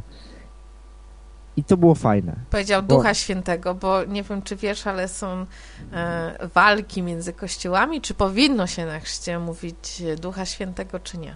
Powinno, bo tak jest w Biblii. Wiem, że w innym miejscu jest, że chrzest ochrzcić w imieniu tylko Jezusa powiedziane, ale, ale jest też powiedziane, Jezus powiedział, że czyńcie uczniami chrzący ich w imię Ojca i Syna i Ducha Świętego. Więc, Więc ja, jest to jak najbardziej biblijne. Ja byłam chrzczona w imię Jezusa Chrystusa tylko i wyłącznie. Ale to się tam nie ma to dla mnie jakiegoś tam wielkiego znaczenia. No, no taka dygresja jest. E, może być tak i tak. Dobrze. Kolejną rzeczą, którą chciałam poruszyć, tutaj mam nadzieję, że ludzie będą dzwonili, chciałabym poznać wasze zdanie. Ostatnio um, ostatnio jechałam sobie autobusem e, i um, wsiadał taki pan na wózku, który potrzebował pomocy trochę żeby się dostać do, e, do tego autobusu. Było tam e, bardzo dużo ludzi i między innymi e, była dziewczyna, Polka, która była muzułmanką z małym dzieckiem w wózku. I powiem szczerze, że było tam jeszcze jedna kobieta z wózkiem. No i ten, to było w Polsce, tutaj. I ta muzułmanka była jedyną osobą, która w ogóle się ruszyła do pomocy, która jakoś zaczęła organizować e, tak, żeby się te dwa wózki z dziećmi i ten, to taki był mniejszy autobus, i ten pan na tym wózku zmieścił i żeby e, kierowca mm, mu pomógł i, i przy wysiadaniu i przy wsiadaniu i nikt inny się nie ruszył, a ona się ruszyła. I strasznie mnie to zaintrygowało, ponieważ no, gada się o muzułmanach e, bardzo złe rzeczy. W większości potwierdzone przez różne tam pokazujące się, tak? Ale ogólnie mówi się złe rzeczy e, o muzułmanach i ona mi pokazała taką dobrą stronę tego. I zaczęłam z nią rozmawiać. Skąd ja wiedziałam, że jest muzułmanką? Więc przypuszczałam, że jest muzułmanką, dlatego że miała narzuconą e, chustę na głowę. E, I ona jak się zaczęła tak zachowywać, to ja po prostu powiedziałam, że niech się nie obrazi. Pytam z ciekawości, e, tak, czy ona jest muzułmanką, dlaczego i tak dalej, i tak dalej. I ona mi powiedziała, że tak, że ona ma męża muzułmana, że to dziecko, które miała w wózku, no jakby można było po karnacji wywnioskować faktycznie, że nie z Polakiem, E, ma to dziecko, no i tam mówi, że poznała go, zakochała, on jej przedstawił e, tą religię i uznała, że to jest e, ta właściwa religia. No i wierzy razem z nim. Jest mu poddana całkowicie. Jest jej z tym bardzo dobrze. E, to nie jest jej pierwsze dziecko. Mówiła, że mają też inne dzieci. E, I była jedną z najmilszych osób, e, z jakimi wtedy udało mi się rozmawiać. E, a rozmawiałam jakby z kilkoma, bo ja byłam wtedy na mieście, załatwiałam dużo rzeczy, tak? No i, e, i przyznam, że, mm, że zaczęłam jakby tak e, muzułmanina Hos mówi. Dobrze, muzułmanina. I przyznam, że zaczęłam tak inaczej patrzeć i na tych ludzi, i na kobiety wchodzące w chustach, zakryte całe, że to chyba jednak nie jest tak, że one są e, strasznie e, mm, strasznie uwięzione i w tych całych swoich strojach i pod tymi mężami e, i że żyją tam w jakimś strachu ciągle. No pewnie w tamtych krajach tak, gdzieś tam pali kobiety za nieposłuszeństwo, ale te, które już tutaj są w naszym kraju, to one już chyba tak tego nie odczuwają. Chciałabym poznać. A, i, bo jeszcze tutaj przyjechałam i właśnie opowiadałam mężowi tą całą sytuację, i on mówi, że to jest, e, że to musiało być udawane, e, bo muzułmanie to są muzułmanie i e, no i że nie należy jakby niczego dobrego, tak, od nich oczekiwać. W sensie takim, że oni nie są szczerzy, jeśli są mili. Powiedz mi, co ty myślisz. Wy zadzwońcie i powiedzcie. No ale ja myślę, że muzułmanie to też są ludzie i bez jaj. Jeżeli weźmie, weźmiemy sam Koran i... Znaczy ja nie przeczytałem oczywiście całego, całego Koranu, tam zaglądałem. Koran generalnie historycznie ma bardzo dużo wspólnego ze Starym Testamentem. I generalnie Koran, tak samo jak Biblia, mówi o miłości do bliźniego. Ma inne, trochę inaczej przedstawia Boga, trochę inne, oni inaczej pojmują Boga, e, ale wbrew pozorom ten Bóg, ten Allah ma pewne cechy wspólne z tym naszym Bogiem Jahwe. W związku z czym e, u nich też jest nauka o miłości i nie każdy muzułmanin jest ekstremistą islamskim, który, który jedyne co by zrobił, to by wyżynał Zachód. Okej, okay, czyli to nie jest tak, że jak ktoś jest miły i wyznaje islam, to udaje. Nie, dlaczego? Znaczy ja, ja, ja mówię tak intuicyjnie, dlatego że ja nie znam żadnego muzułmanina osobiście tak głębiej, po prostu nie miałem okazji. Jakbym poznał, to może bym mógł więcej powiedzieć coś o tej religii. Natomiast weźmy sobie na przykład filmik Wojciecha Cejrowskiego, ja lubię jego filmy podróżnicze, kiedy właśnie mówił o islamie, gdzie pojechał, tylko nie pamiętam do którego kraju dokładnie, ale do kraju islamskiego i tam normalnie siedział z nimi biały człowiek, chrześcijanin, katolik i z nimi rozmawiał. I ten facet miał cztery żony, te cztery żony pokornie siedziały, pełna życzliwość, oczywiście pewien dystans był, ale pełna życzliwość, uśmiech na twarzy normalna, brat, koleżeńska rozmowa. Nikt do niego tam nie strzelał, nikt go nie, nie związywał linami i nie próbował palić na stosie ani wieszać. Mhm. A właśnie e, też, e, mm, bo ja jakby zdziwiło mnie, że e, ona jako muzułmanka odzywa się na przykład e, nieproszona czy coś, tak? Bo to też było jakieś moje tam wyobrażenie w głowie, że tak się dzieje, e, że im nie wolno e, tego robić, ale na przykład ona powiedziała, że no, ten człowiek potrzebował pomocy. Jak mogłam zostać obojętna na to? I że ona nie, nie, jakby nie rozumiała tego, że na przykład inni nie zareagowali, tak? Że to można było rozwiązać w inny sposób i ona nie, no jakby nawet tego nie rozumiała, dlaczego jakby musiała interweniować, no bo, bo, no bo dla niej to jest oczywiste, że jak ktoś potrzebuje pomocy, to ona po prostu z tą pomocą idzie. A to, no, to mi się jakoś tak nie kojarzy z tą religią. To by się kojarzy? Nie kojarzy mi się, ale też nie, nigdy mi się sama religia islamska nie kojarzyła z czymś bardzo negatywnym. Ja rozdzielam jakby islam i, i wyznawców tej religii. Nie uważam, że to jest chora religia od strony mentalności, i odróżniam tych ekstremistów islamskich, tak jak odróżniam chrześcijanina i odróżniam od strony katolickiej Wojciecha Cejrowskiego, który ręki nie podał, bo zachifiona, tudzież tak, e, Tomasza Terlikowskiego, którego jak słucham, to mi się nóż kieszeń otwiera. Grabik dzwoni, odbierzmy go. Cześć Grabix. Cześć. Co masz do powiedzenia? Nic nie ma do powiedzenia. Wyśla rozmowa nieudana. Tak, wiem. Niech zadzwoni raz jeszcze. E, tutaj ktoś napisał, e, resztka pytajmierza napisała, e, że Cejrowskiemu nie pozwolono wtedy dotknąć Koranu. E, I to... Jesteś? Grabis? Jesteś. Tak. Grabis. To poczekaj cześć, jeszcze chwilę. I okay. to, tak, i to ja jestem w stanie w to uwierzyć, bo ja kiedyś oglądałam taki dokumentalny film, gdzie właśnie był też dziennikarz, rozmawiał tam E, z, z różnymi e, islamistami i oni też mu nie pozwolili dotykać Koranu. Powiedzieli, że e, może tam robić prawie wszystko, ale tego mu zrobić nie wolno, więc ja jestem w stanie uwierzyć, że mu nie pozwolili dotknąć. Mów Grabix. No cześć, ja o tych muzułmanach chciałem pogadać. No.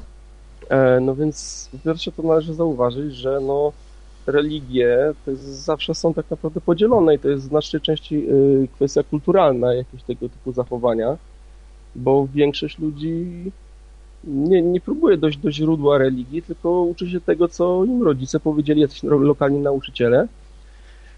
I w związku z tym te religie potrafią być bardzo różnie. Jest na przykład taki, jest, jest, muzułman, jest ten, jest islam agresywny i jest islam nieagresywny. No. To, to powiedz Garabik, skąd na przykład y, w Polsce też um, jest taki pogląd, że jak um, ktoś chodzi w burce i tak dalej, to trzeba się trzymać od niego z daleka, tak? A jest taki? Tak. Że się uważa, no, że takim ludziom się nie ufa, z takimi ludźmi się nie przybywa, takich ludzi się boi. No pewnie się wziął z tego, że znaczy ludzie z reguły się bardziej boją i bardziej zwracają uwagi na te e, negatywne przykłady, prawda? Mhm. E, tak samo jak w ogóle w mediach się raczej mówi o negatywnych wydarzeniach, a nie o pozytywnych. Mhm. Czyli po prostu z niewiedzy to wynika.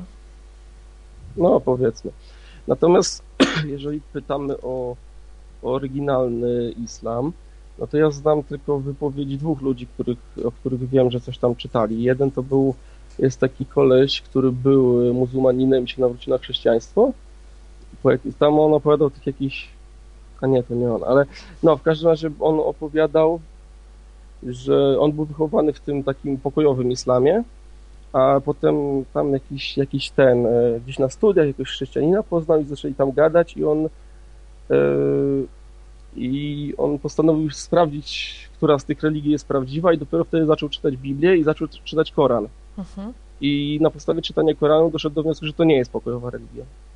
Mhm. I on mówił o tym, on mówił też do, do muzułmanów na tym wykładzie, który tam był nagrany gdzieś na YouTube jest i on mówił, że no przepraszam was, bo wiem, że, że wy tam pewnie myślicie inaczej, ale ten, ten oryginalny, ja, ja też jak tam jak były te zamachy na World Trade Center, to się zastanawiałem, jak można zabijać ludzi i mówić, że to jest w imieniu Allaha, ale, ale ten, ale na podstawie Koranu twierdzę teraz, że jest inaczej, nie? że to, jest, to nie jest pokojowa religia. Mhm. Kiedyś, mieliśmy, tak poczekaj, kiedyś mieliśmy no. przyjemność poznać e, muzułmankę na takim festiwalu e, tutaj w, w Warszawie i e, bardzo miła dziewczyna, bardzo fajna, naprawdę taka. E, tak czy siak padło pytanie e, o Koran i ona powiedziała, że nie ma w Koranie absolutnie nic, co by świadczyło o tym, e, że trzeba zabijać innych ludzi, niewierzących albo z innego powodu. To jest po prostu nadinterpretacja tego, co, co ludzie mówią ale później też właśnie, żeśmy z ciekawości tego, e, co ona tam powiedziała, żeby się to rozstrzygnąć już, e, czy tak jest, czy nie jest, zaczęliśmy sobie czytać i niestety tak, trzeba to potwierdzić, że tam e, są takie fragmenty, które do tego namawiają. No. A to w Biblii I... też są takie fragmenty. W Starym Testamencie. Zależy, jakie? Nie, przepraszam, w Koranie są takie, które ci to nakazują. O, tak, nie namawiają, nakazują. Ale co dokładnie nakazują? E... Zabijanie innowierców, czy co? Tak, tak. No właśnie. Ale w Starym Testamencie też. Nie, jest nie, tak, nie że, że, spróbuj, że spróbuj ich nawrócić, jeśli ci się nie uda, e, to wtedy wolą Malacha możesz zabić. Tak.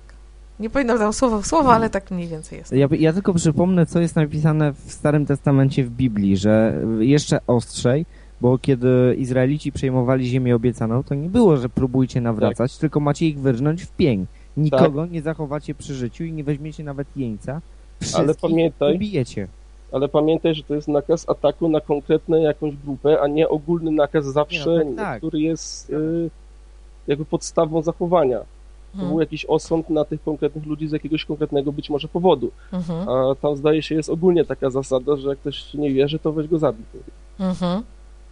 No i teraz druga osoba gdzieś na odwyk kampie, na tym, co był w Suchej Beskidzkiej. E, mhm. Tam ktoś był, nie, nie poznałem za dobrze, e, ale on opowiadał, to był ten człowiek, który opowiadał, że czytał wszystkie święte księgi, żeby się dowiedzieć, która religia jest prawdziwa. Mhm. Chyba Kojarzycie? Tomasz miał na imię, tak, tak, taki starszy, no. Tak, tak. I on potem, on potem w ogóle stwierdził, że, że żadna, potem został ateistą, potem się postanowił douczyć z ewolucji, żeby ten i wtedy stwierdził, że ewolucja też jest bez sensu. Mhm.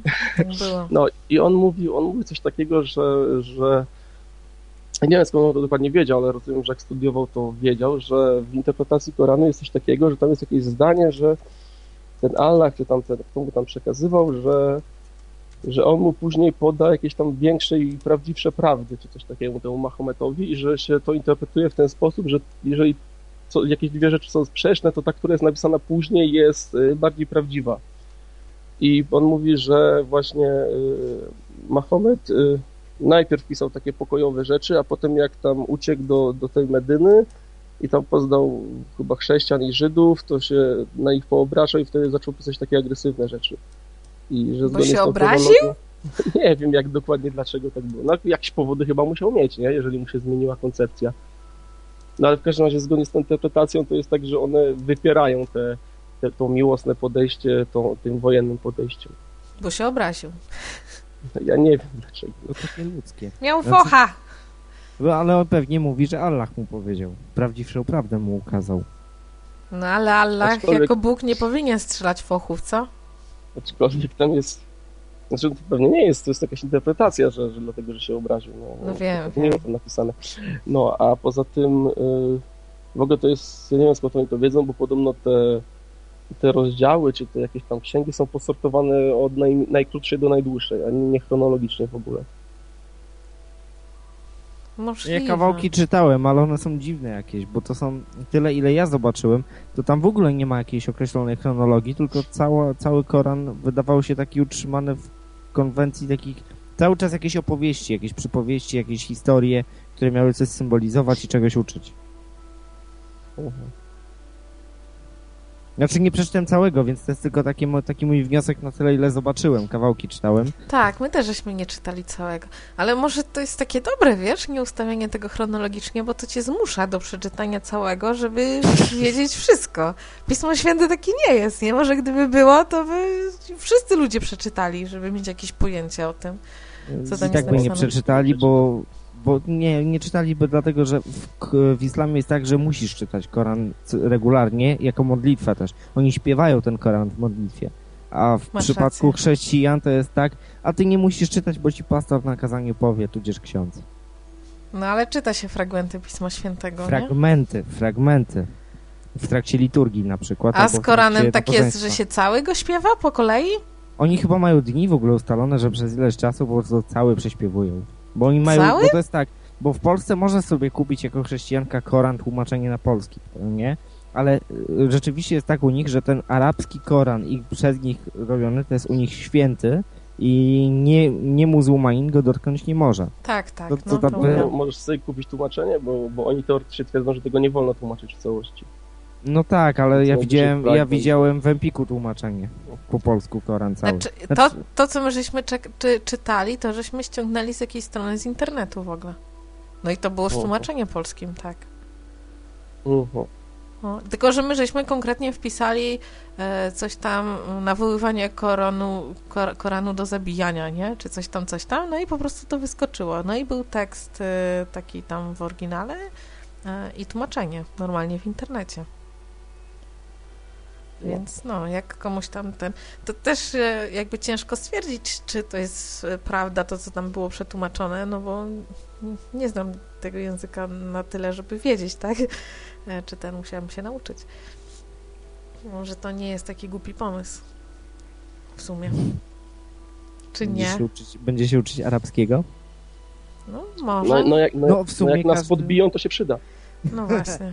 Język wroga trzeba znać. Ale w sumie każdy muzułmanin, który tam ma jakieś języki swoje, powiedzmy, w, w zależności od kraju, zna też arabski od dziecka No tak, właśnie o to chodzi z tym nietłumaczeniem Koranu. W ogóle to jest taki dosyć ciekawy pomysł w pewnym sensie, bo to chodzi o to, żeby czytać zawsze w oryginale. Żeby nie było problemu z tłumaczeniem. No to dobre jest. No. To tak jakby każdy chrześcijanin od dziecka był uczony greki. To byłoby No. dobre. I nie byłoby tych wszystkich bzdur, które są na przykład w tysiąclatce. Kiedyś Inna był. rzecz, że, że możesz ten, że Greka to jest, no nie wiem, czy, to jest, czy on jest trochę martwy, bo czy to jest bardzo podobne do współczesnego greckiego, czy nie? Jest całkiem podobne. Nie jest identyczne, ale no, to jest inny No to typ, może. to jest trochę inna odmiana greckiego. Tak jak się dowiadywałem, to jest taki grecki ludum. gorzej- Nie taki literacki, tylko taki grecki ludowy, nazwijmy to. Że tak jak cię będą ten, uczyć tego greckiego tak, żeby wyszło to, co ma wyjść. Czyli jak cię będą uczyć, nie wiem, słowa metanoite pokuta, No, no. Znaczy, zamiast tak jest. odwrócenie się, no Jak tak jest w piszesz, tysiąclatce. Jak wpiszesz w Google metanoite, to pewnie znajdziesz, że to jest pokuta. Już Tak. nie pamiętam, wiem, że są takie, w w gu- re, religijne pojęcia właśnie są tak tłumaczone standardowo. No, ale z No, drugiej no. strony metanoite znaczy odwrócić się, zmienić sposób myślenia, więc... Ale na szczęście teraz, ja, ja na przykład przerzuciłem się z Biblii Warszawskiej na Biblię Ekumeniczną i polecam wszystkim. Jest naprawdę fajna, bo tam jakby przedstawiciele wszystkich kościołów siedzieli nad tym, żeby było maksymalnie wiernie z oryginałem. Na pewno są tam błędy jakieś, ja nie weryfikowałem szczegółowo, ale rzeczywiście wśród tych wszystkich tłumaczeń i te wersety, które znam, rzeczywiście są przetłumaczone dobrze. Te wersety, które ja kiedyś badałem po grecku, jak one brzmią, są przetłumaczone dobrze i, i wprawdzie nie jest jeszcze cała Biblia wydana, bo ona jest wydawana w tomach, to nie jest droga, poszczególne tomy nie, jest, nie są drogie i polecam chociaż sobie Nowy Testament kupić w tym przekładzie ekumenicznym. No to ja tylko jeszcze na koniec jeszcze raz powiem, że właśnie e, o tych muzułmanach, że są, prawda, to, to co mówiliśmy, to jest kwestia tej religii, próbowaliśmy dojść do kwestii religii, jaka jest sama w sobie, natomiast w praktyce, w praktyce poszczególni ludzie realizują kulturę bardziej niż religię, to czego ich nauczono w danej w danych rodzinach, w danych jakichś szerszych społeczeństwach, więc tego co wiem, to ci muzułmanie, którzy tutaj są w Europie od dłuższego czasu w ogóle nie są, nie mają jakiejś takiego agresywnej interpretacji islamu i oni nie mają pojęcia, wiesz, takie ten, no to tak, żeby nie traktować ich stereotypowo być, czy coś. Być może to są właśnie ludzie, którym się bardzo nie podobało taka agresywna e, religia i po prostu od tego uciekli, nie? Polska jest jednym z miejsc, do których się wynieśli. Nie jesteśmy przecież jedynym miejscem, tak? No. No dobrze. Dobra, no. to dzięki Grabik za telefon. Cześć. To mądrych było dużo rzeczy. Dobrze. E, kolejnym tematem, jakim bym chciała poruszyć, to chyba jest ostatni już mój temat. Mm, chciałam poruszyć temat aborcji tutaj. Um, a jakby wywiązało się to z tego, e, że oglądałam e, filmiki o tym, jak dzieci mają dzieci. Jest taki bardzo fajny fan, pan w internecie, który właściwie o niczym innym nie robi, jak o wykorzystywaniu dzieci do rozpładniania. E, I mm, podał przykład jednej pary, gdzie chłopak ma 13 lat, dziewczyna ma 15, urodziło im się właśnie dziecko. Przy czym mm, ten chłopak, ona to jeszcze powiedzmy, że wygląda na 15 lat, ale on wygląda na 8. E, I, i to jest w ogóle jakaś tragedia, bo mm, ośmiolatek trzyma dziecko i na pytanie prowadzącej um, mówi, ona tam zadała mu takie pytanie, jak on sobie wyobraża wychowanie to dziecka, e, tego dziecka i on mówi mm, no to, no to ja będę tam o niego dbał, żeby on nie płakał i będę mu dawał jeść i coś tam. E, no, a jak sobie wyobrażasz pogodzenie ze szkołą, wychowanie tego dziecka? I on mówi, no ja nie widzę problemu. Znaczy jednocześnie będę wychowywał to dziecko i, e, i, i będę w szkole, tak? E, no i ona w końcu zadała pytanie, a skąd weźmiesz pieniądze na wyżywienie tego dziecka i na wychowanie tego dziecka i swojej dziewczyny? I on tylko wtedy wzruszył ramionami i nie wiedział już co powiedzieć. On miał 13 lat, ale wyglądał na 8-latka. Ale później oglądałam drugi filmik dziewczynki, która miała 8 lat. To jest w ogóle dla mnie niewyobrażalne w mojej głowie, że tak się fizycznie e, mogło stać, że biologia na to pozwoliła, ale była ośmiolatka, która e, zaszła w ciążę ze swoim 15-letnim bratem i to się działo gdzieś e, w Indiach nie pamiętam, gdzie on tam mówił, ale ja tego nie pamiętam, to mm, wypowiadał to, bo to po angielsku wszystko i wypowiadał tą nazwę w tak dziwny sposób, że ja nawet nie byłam w stanie tego zrozumieć za bardzo. tak czy siak, to była ośmiolatka, która zaszła w ciążę ze swoim 15-letnim bratem i to jeszcze tak się niefortunnie złożyło, że zaszła z bliźniaczkami. I to była taka dzidzia, naprawdę, no, taka dziewczynka, która mi sięga do, do pasa, i ona była taka chuda i miała też ten brzuszek taki mały. Więc ja sobie w ogóle nie wyobrażam, jakie te dzieci musiały być, no. Tak przeciętne dziecko, które się rodzi w siódmym miesiącu, więc jest dwa miesiące małe, jest wielkości męskiej dłoni e, i waży około 1700 gram. No to jak ona miała bliźniaki, ona była taka malutka mm, i ten brzuch jej nie rósł jakoś tak strasznie, to e, no to ty, ja nie wiem ile te dzieci ważyły, po tysiąc gram, były w wielkości naszych palców, no w ogóle to jest jakieś przerażające. E, I on tam, o ile właśnie historię tej pary 15 i 13 lat, on tam dokończył i pokazał właśnie, jak to dziecko już się tam urodziło, jak oni to, to dziecko całują i są święcie przekonani o tym, że sobie poradzą z, z Bobasem, E, no to u tej dziewczynki to było tylko pokazane, że ona jest właśnie w ciąży i że ona będzie, mm, e, będzie niedługo rodziła. Nie było już tam pokazane, jaki był ciąg dalszy tego, ale mm, no ale ja przyznam, że ja byłam przerażona. E, I no ja nie jestem przekonana, czy jakby moja ośmioletnia córka zaszła w ciążę, to ja bym się jednak nie zgodziła na to, żeby tą ciążę z niej, z niej usunąć. No to nie to, że jest marnowanie życia dziecku ośmioletniemu, który jest dalej dzieckiem, e, no to jest jeszcze marnowanie życia temu kolejnemu dziecku, e, no i w ogóle wszystkiemu. No już sam fakt, że ośmioletnie dziecko musi znosić e, te, te wszystkie sprawy związane z ciążą. Ciąża jest wyczerpująca dla kobiety bardzo i zabiera ten płód, wszystkie witaminy i to wszystko, to jest ośmiolatka. Nie wiem, czy ktoś sobie wyobraża w ogóle ośmiolatkę. Jak ktoś ma dzieci, niech popatrzy, no. Ośmiolatka. I ona jest w brzuchu z dwojgiem jeszcze mniejszych takich.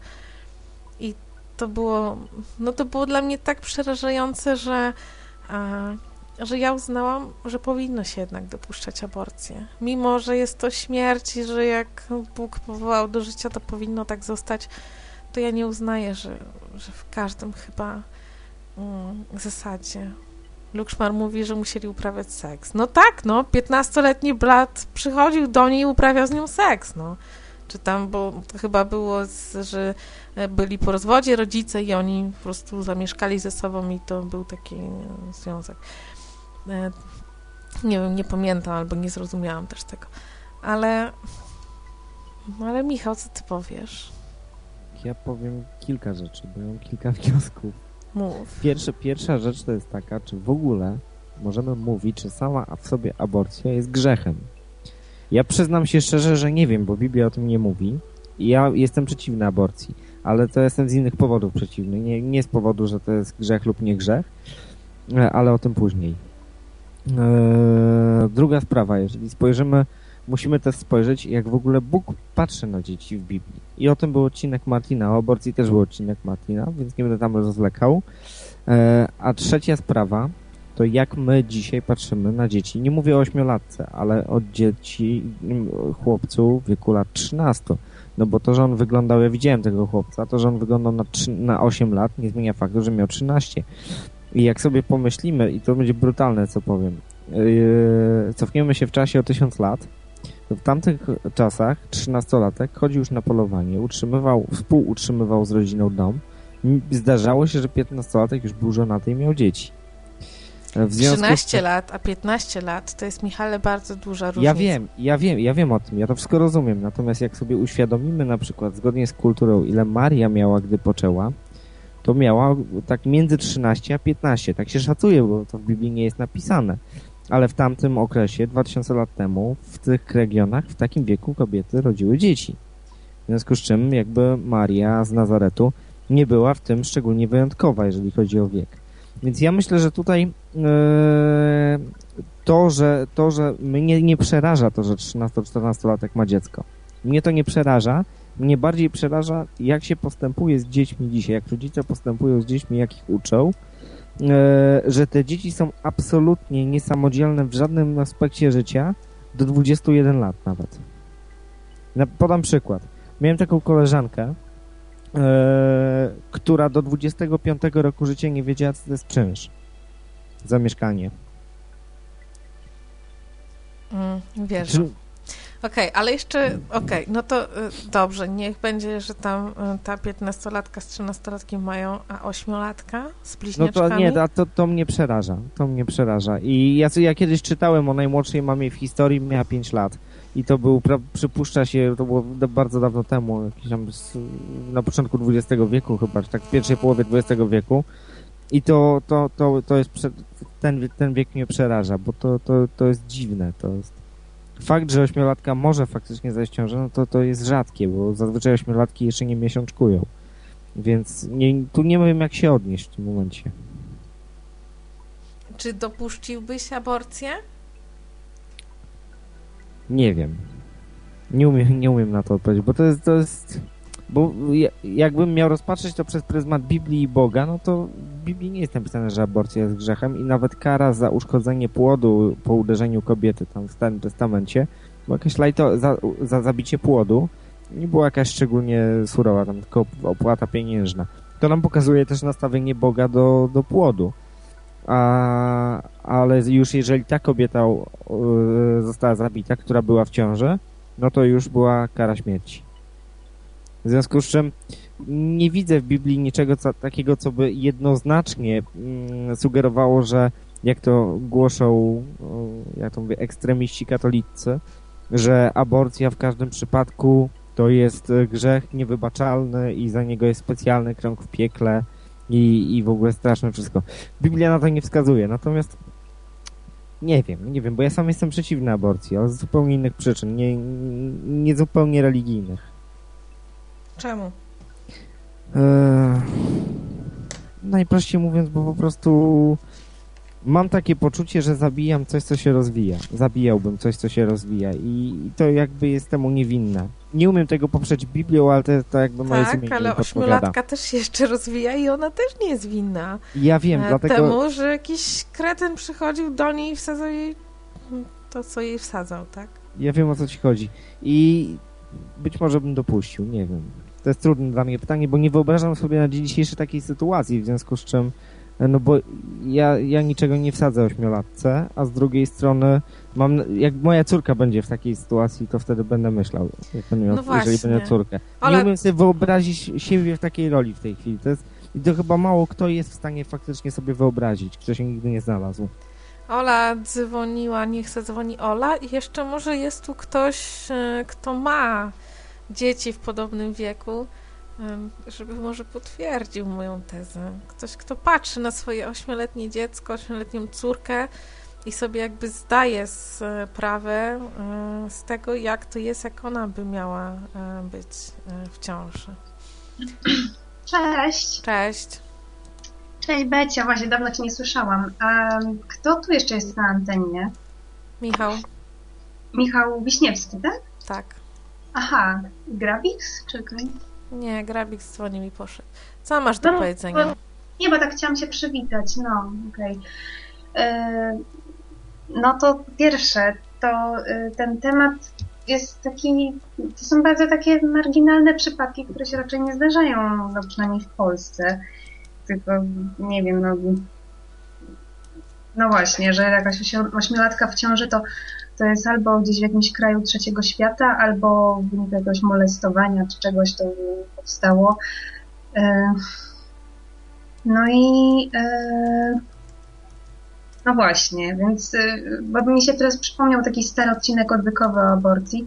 To też chyba Martin na samym początku tego odcinka powiedział, żeby ludzie, że on poruszy przypadki takie najczęstsze, a nie takie jakieś marginalne, że UFO porwało kobietę i strzyknęło UFO tylko na siebie, czy coś takiego.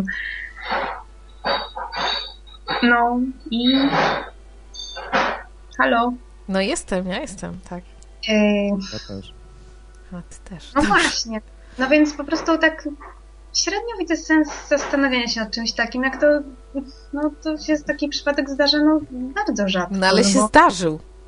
To nie jest e, wymyślanie, że coś takiego mogłoby się zdarzyć, tylko coś takiego się zdarzyło, że to ten chłopak, tam było mnóstwo tych filmików o tych dzieciach. Ja przeżyłam tylko dwa i stwierdziłam, że więcej nie dam rady, ale on tych filmików miał tam, nie wiem, ze 30 na głównej stronie i myślę, że w archiwum było ich jeszcze więcej. Więc to jest oczywiście jakaś tam marginalna sprawa, e, patrząc z perspektywy mm, e, całego świata, ale to nie zmienia, e, to nie zmienia faktu, że e, no, że takie rzeczy się zdarzają, tak? I teraz warto sobie zadać pytanie, czy w takich momentach jednak no jednak nie, no, czy nie warto się zastanawiać nad, nad dopuszczeniem aborcji? Znaczy, w, że w znaczy- myślach, w sensie, że chrześcijanin powinien się na to zgodzić, tak? Znaczy, wiesz co, to ja mam podejście chyba mniej więcej takie, jak ty masz do tego właśnie w przypadku tej ośmiolatki, a jeszcze chciałam spytać, w jakim to było kraju? Ten Ona z Indii była, nie pamiętam skąd tam dokładnie. Z Indii. No. Ja się tak zastanawiam, yy, bo często, często mamy taki pogląd jako chrześcijanie, że e, Bóg panuje nad wszystkim, no nie? I że Bóg, e, że to dziecko jest powołane do życia przez Boga. Ja się tak zastanawiam zawsze w takich sytuacjach, kiedy roz, rozkminiam takie sytuacje, czy jeżeli założymy, że Bóg powołał to dziecko do życia, to czy Bóg tego brata tej ośmiolatki powołał do tego, żeby z nią współżył? No właśnie.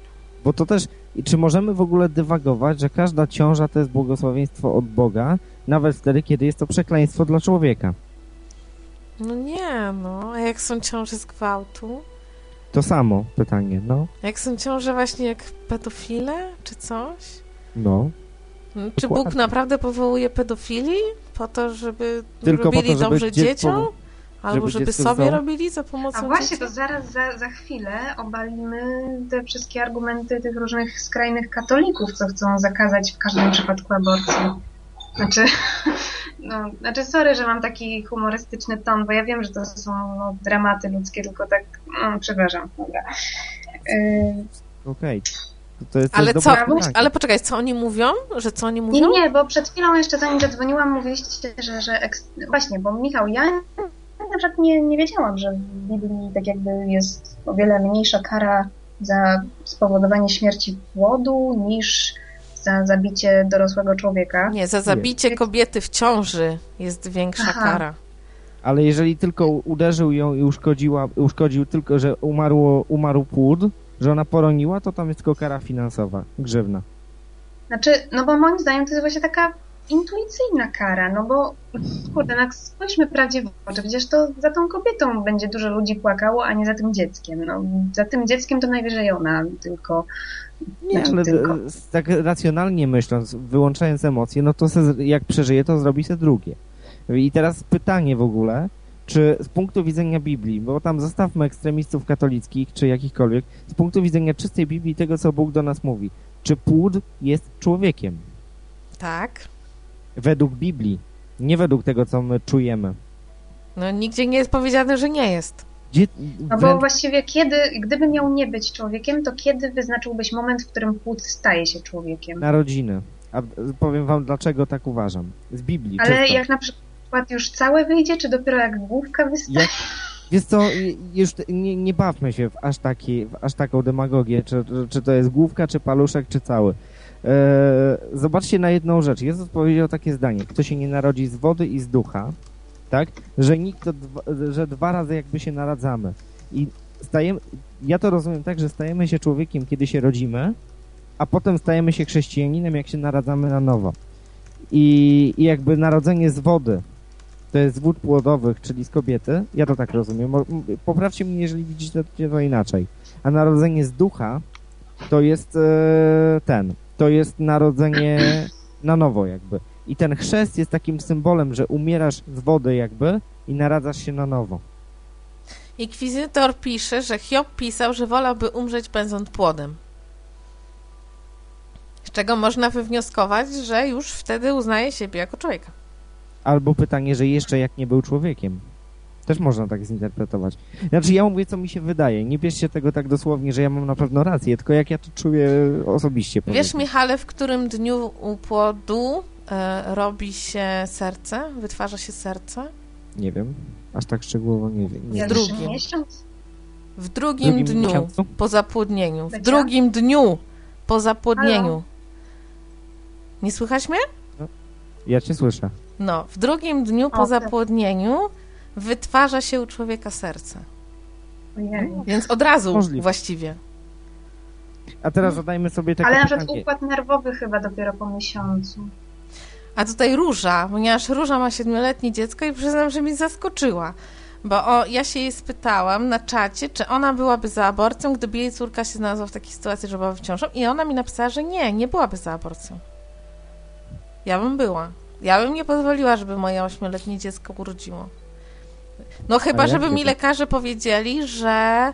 E, żeby mi lekarze powiedzieli, że to będzie dla niej większy szok i większa strata zdrowotna niż donoszenie tej ciąży i urodzenie e, i, e, i urodzenie tych dzieci. Róża tutaj pisze, że ciąża jest na pewno straszna dla takiej małej dziewczynki, ale aborcja jest straszniejsza.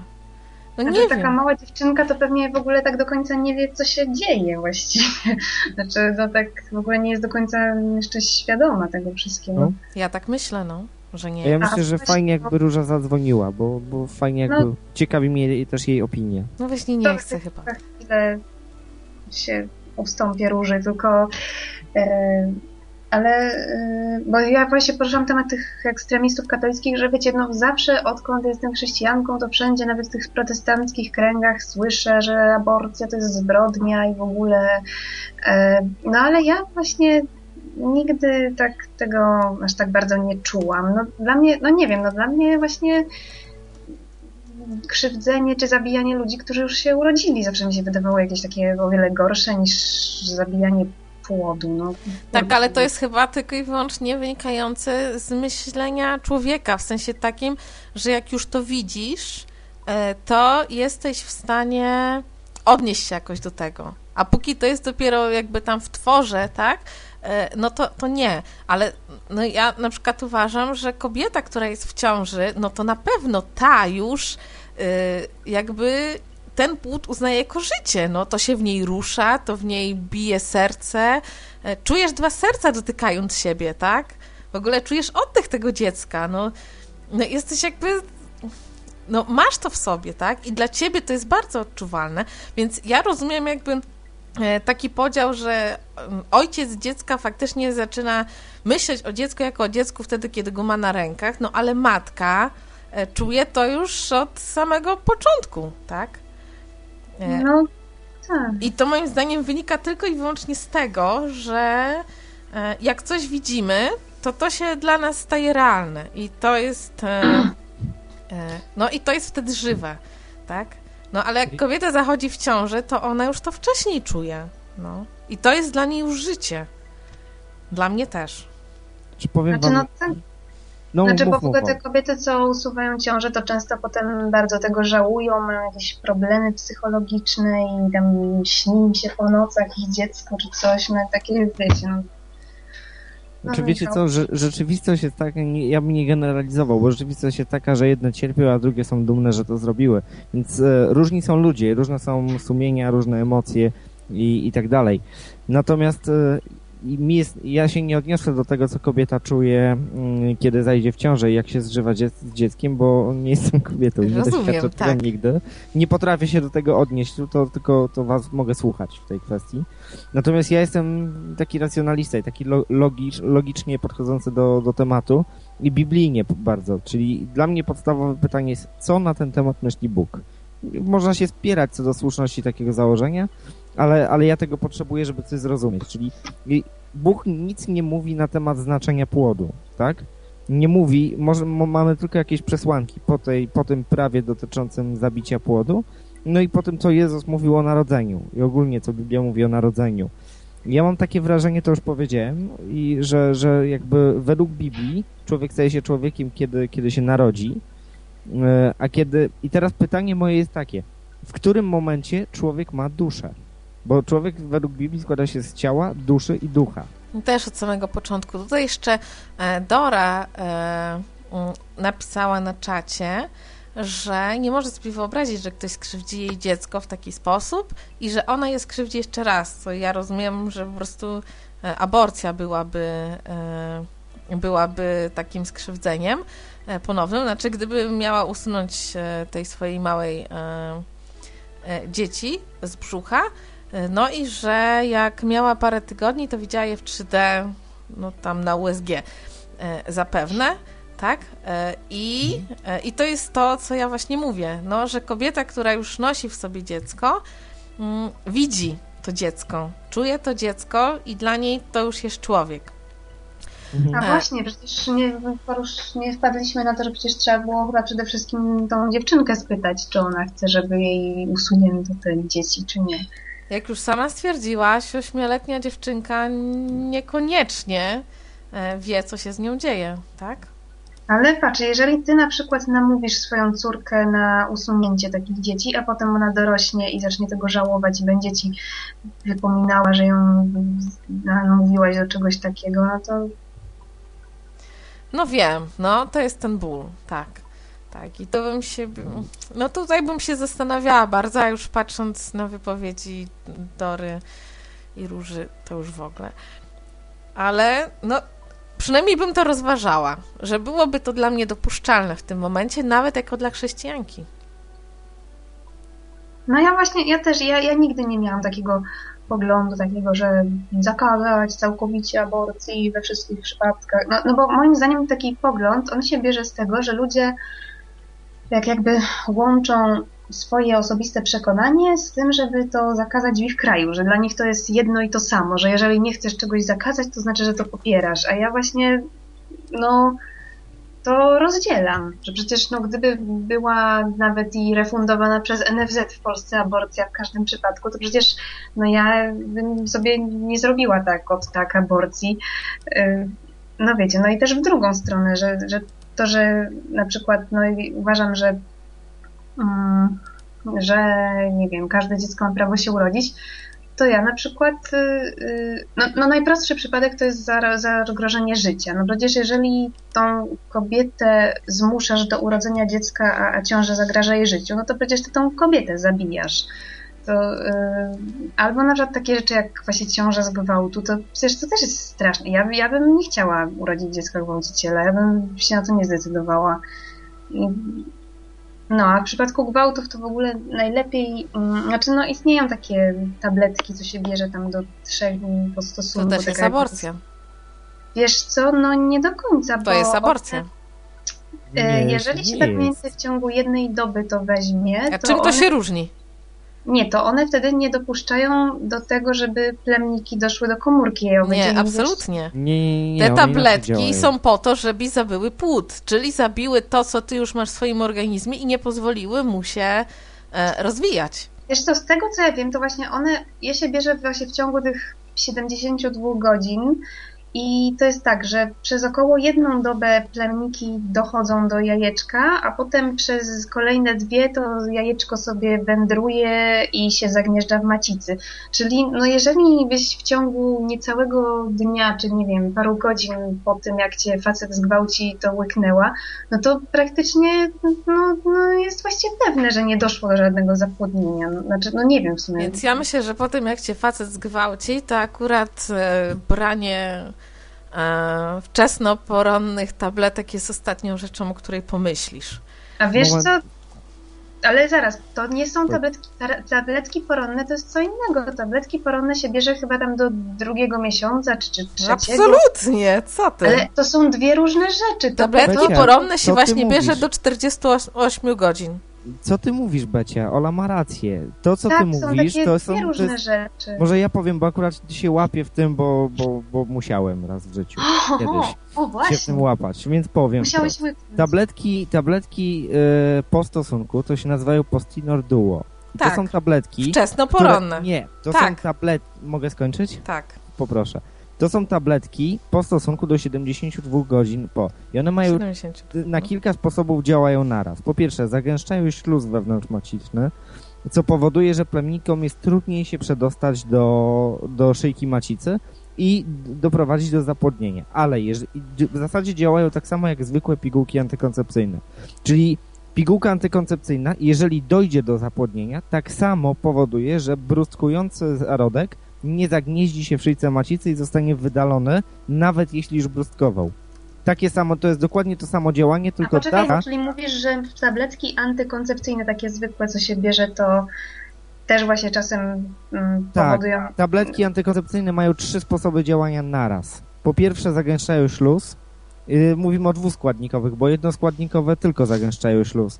A dwuskładnikowe zagęszczają śluz, jeżeli yy, uniemożliwiają uwolnienie komórki jajowej, ale jeżeli ta komórka się u, u, uwolni i dajmy na to dojdzie do zapłodnienia, to trzeci sposób działania nie pozwala zagnieździć się komórce, już brustkującej komórce yy, wewnątrz cicy i wytworzeniu łożyska.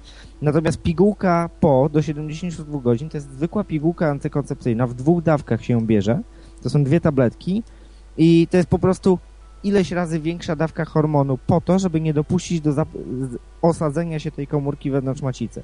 A pigułki wczesnoporonne, one się nazywają RU i z nich nigdy nie korzystałem, dzięki Bogu. Znaczy, y, żadna moja partnerka. Eee, to są pigułki, które się bierze do trzeciego miesiąca i one wywołują poronienie. Aha, ale czekaj, bo z tego, co powiedziałaś o tabletkach antykoncepcyjnych, to wynika, że no takie, co się po prostu, takie zwykłe, co się przed stosunkiem łyka, to one też tak jakby mogą y, wywołać poronienie. Mogą, tylko wtedy, jeżeli y, spowoduje to uwolnienie się komórki jajowej, bo generalnie w ich działaniu jest to, żeby nie uwolniła się w ogóle, żeby nie doszło do owulacji. Hmm, ale to, no ojej, to, to ja znam chrześcijanki, co brały takie tabletki. No, no tak, no, no ja, ja, ja w tym Ciekawe, na przykład nie widzę problemu. wiedzą. Pewnie nie wiedzą, natomiast y, bo Pewnie wiedzą. jak, się, jak jest cykl 28-dniowy, bo pigułki w ogóle powstały, jak, zaczę, jak wynaleźli ją, to wynaleźli ją jako lek regulujący cykl miesiączkowy, a przypadkiem odkryto, że o, jeszcze zapobiega ciąży. E, I jak się je bierze w 28-dniowym cyklu, to bierze się 21 tabletek i potem się bierze e, 7 dni przerwy jest i wtedy wywołuje się tak zwaną sztuczną Ty miesiączkę. mówisz o antykoncepcji. Tak. I tak- wtedy, Żadna, sztu- żadna sztuczna miesiączka, co ty w ogóle mówisz? znaczy miesiączka jest normalna, natomiast w trakcie brania No przez tak, 21 dni nie dochodzi do owulacji w ogóle. Jajeczko nie jest uwalniane z, e, przez jajowód tak. z jajników. To też nie jest tak do końca, bo można zajść w ciąży wtedy, kiedy się bierze e, tabletki No antykoncepcyjne. Ale faktycznie tak jest, że Znaczy, wczesnoporonne... można, ale Pecia, można zajść chyba tylko wtedy, jak się przed zapomni połknąć. Nie, absolutnie tak nie jest. E, jak? Zależy w którym tygodniu. Może też- cicho, wczesnoporonne tabletki faktycznie to są takie, które do 9 tygodni e, się bierze i one wywołują poronienie, więc tutaj zwracam honor, faktycznie tak jest. E, A o Becia, a- którym ja mówiłam, to właśnie są te tabletki, które się bierze do 48 godzin. Do 72. Znaczy, dobra, Przepraszam, to 72. No, do trzech dni po stosunku to jest no, mniejsza szansa, że zabijasz e, poczęte dziecko, e, no, niż gdybyś zrobił, znaczy, bo jak, znaczy, że chodzi o to, że jest szansa na to, że wcale do tego zapłodnienia nie doszło i no, nie wiem, no ja uważam, że to też te, te tabletki są tępione właśnie przez te środowiska katolickie i w ogóle, ale no kurde, no moim zdaniem przecież lepiej coś takiego łyknąć, na przykład wasza taka właśnie zgwałcona kobieta czy coś i będzie miała pod tym względem przynajmniej święty spokój, a nie... no taka tabletka też nie gwarantuje, że y, ciąży tam nie będzie. To są to tylko prawda. tabletki. Organizm sobie nie z, nie takimi rzeczkami potrafi radzić.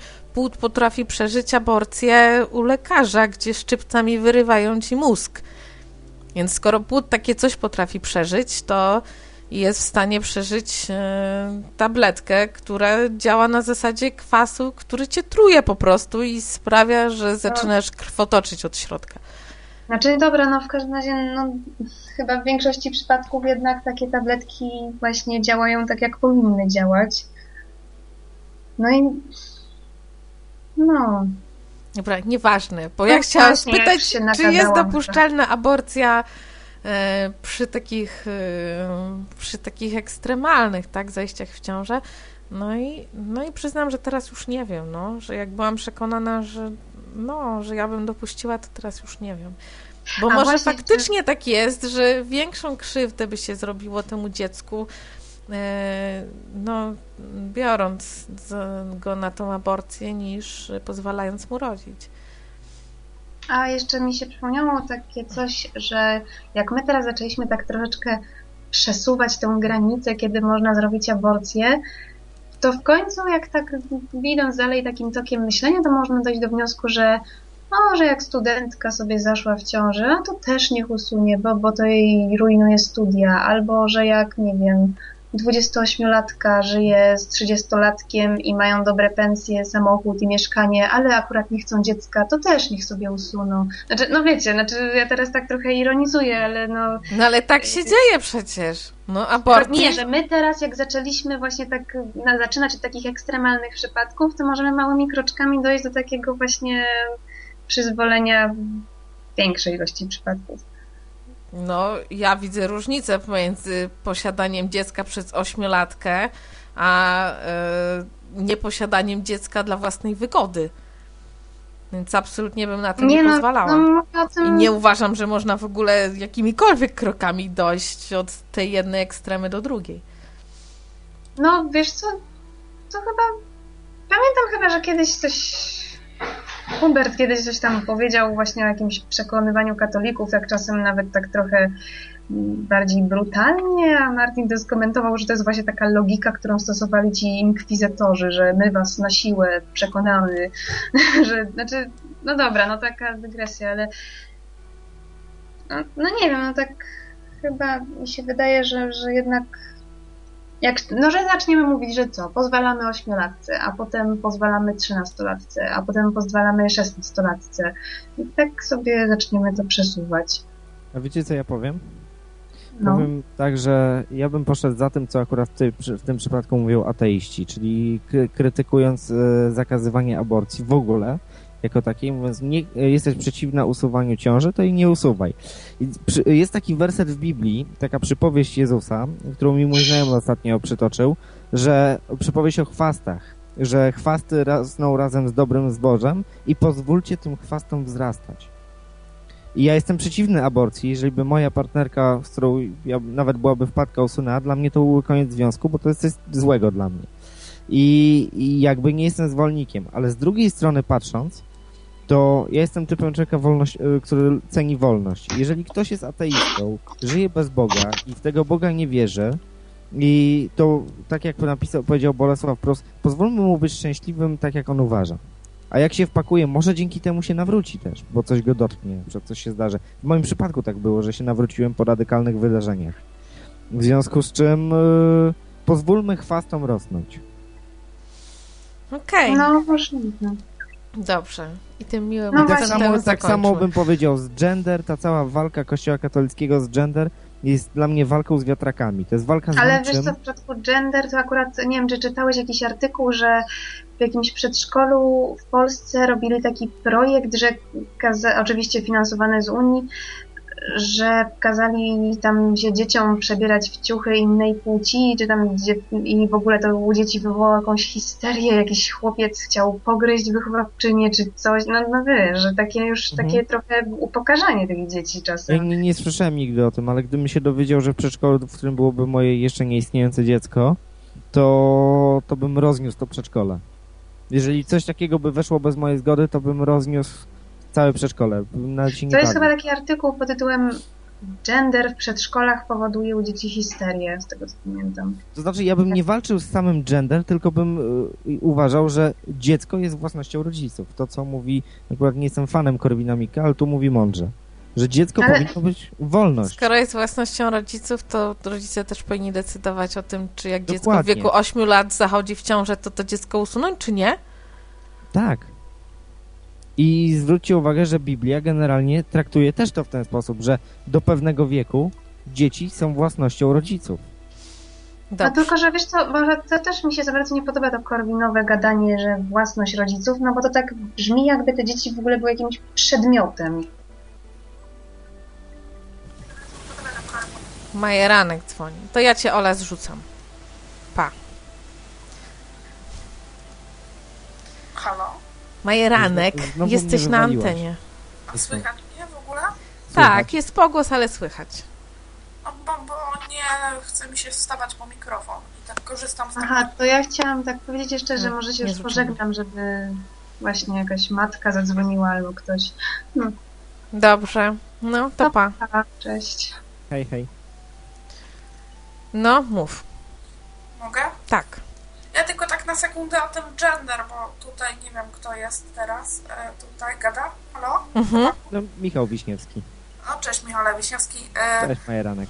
Generalnie e, gender to, e, ja to powiem jako przyszły pedagog, to nie było z założenia coś takiego, jak teraz się zrobiło, wiesz, że, że dzieci bez płci i tak dalej, tylko to miało bardzo szlachetne pobudki żeby na przykład chłopcom nie wyrywać lalek z rąk, a dziewczynkom nie bronić bawić się samochodami, wiesz?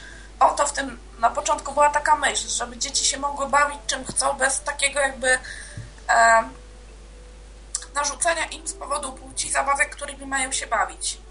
Że niektóre zabawki są typowo dla chłopców, a niektóre typowo dla dziewczynek. Jak chłopiec chce się bawić lalką, okej, okay, niech się bawi. I w drugą no. stronę. Także to bardzo szlachetne miało zalążek swój.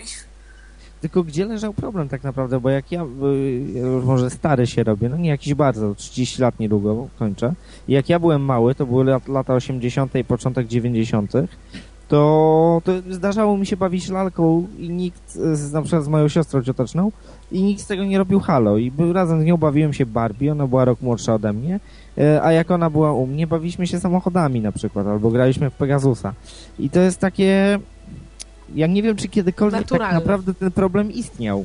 Że, że ktoś komuś zabraniał Zrobił się. faktycznie. Owszem, uwierz mi, zrobił się, bo teraz e, robią się tak rodzice bardzo skrajni niektórzy. Robili się wcześniej, jak patrzyłam na festynach, bo pracowałam na festynach właśnie przy atrakcjach dla dzieci, to jakiś tam chłopiec spadł e, po prostu, u, u, wiesz, jak to dzieci, biegł, po, potknął się i zleciał, nie?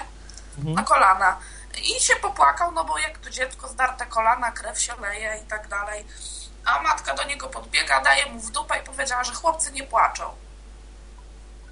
No to głupia mama. To złe jest? Tak? Złe. No Ale takich złe. rodziców jest coraz więcej. Że wiesz, dziewczynka nie może wejść do piachu, bo musi zachowywać się jak dama. Ale to jak to Esther Perel w książce Inteligencja Erotyczna kiedyś napisała, że gdyby nasze babki zobaczyły, jak dzisiejsze matki obchodzą się z dziećmi, to by się złapały za głowę. No ale to odnośnie tego, że gender to po prostu, wiesz, tak samo jak komunizm miał super założenia, nie? Tylko No. potem wyszło jak wyszło, tak samo i z tym gender wyszło, no. A nie masz takiego wrażenia, że przez to, że tak bardzo się nagłaśnia to całe gender, że Kościół katolicki robi taką wojnę z tym, robi się z tego jeszcze większy szum i, i walczy się z, w pewnym stopniu, bo tam niektóre problemy rzeczywiście się pojawiają bardzo poważne, ale walczy się też trochę z wiatrakami. Gdyby nie ta cała walka, to ten problem by być może tak naprawdę wcale nie do końca nie, nie istnieje jakoś bardzo, tylko kiedy środowiska katolickie robią nacisk, to środowiska, nazwijmy to feministyczne, czy środowiska równościowe, no, genderowe, czy jak to tam zwał, robią odwet, no nie? I się ścierają nawzajem i robi się z tego szopkę. Nie masz Albo takiego... jakoś trzeba było uwagę odwrócić od pedofilii wśród księży i tak dalej. No, też fakt. Coś, jakiś temat trzeba było sobie znaleźć. Najpierw było Santa Subito, żeby papież jak najszybciej został świętym i wszyscy się tym zajmowali. No papież został świętym, trzeba było jakiś nowy temat znaleźć. No, tak, ja się zgadzam. Nie no, generalnie dlatego jestem zwolennikiem tego, co powiedziałem. Za, za Biblią iść. Pozwólmy chwastom rosnąć, niech chwasty się same przekonają, że są chwastami. I same się wyrwą? Nie, no niekoniecznie się wyrwał, tylko wiesz, e, jakby pamiętajmy o tym, że chrześcijaństwo to nie jest wiara walki z systemem, no nie? Walki z wprowadzaniem czegoś, tylko to jest osobista relacja z Chrystusem i działanie proszem Ducha Świętego. I co by system nie wprowadził, jeżeli Bóg kogoś powoła do zbawienia, to Duch Święty go przemieni. Więc ta cała walka to jest, e, lepiej poświęćmy ten czas na, na nauczanie o tym, że Chrystus ma dla nas jakieś znaczenie i, i pokazywać to swoją postawą miłości do bliźniego, niż walczyć z systemem, czyli to, co robi Kościół katolicki. Więcej odwracania uwagi, więcej systemu, więcej walki, więcej nagłaśniania i, i, i tak naprawdę ludzie przestają myśleć o Chrystusie, a zaczynają myśleć o walce o krzyż. I to było tak piękne, że to będą ostatnie słowa, które padły w tej audycji. Dziękuję Ci, Majeranku, za telefon. Nie ma problemu, polecam się na przyszłość. Pa. Dziękuję Ci, Michale Wiśniewski, za pomoc w prowadzeniu dzisiejszego odwyku. Dziękuję bardzo, dziękuję też wszystkim słuchaczom i dziękuję wszystkim dzwoniącym. Super była rozmowa. Tak. To Pozdrawiamy ja Was się roz- bardzo. Tak, Rozłączam się, buziaki wszystkim, papa. tak. Pozdrawiamy Was bardzo i zapraszamy e, za tydzień. Mam nadzieję, że będzie już prowadził sam Martin Lechowicz. To był odwyk w wykonaniu e, Beci i Michała wyjątkowo dzisiaj.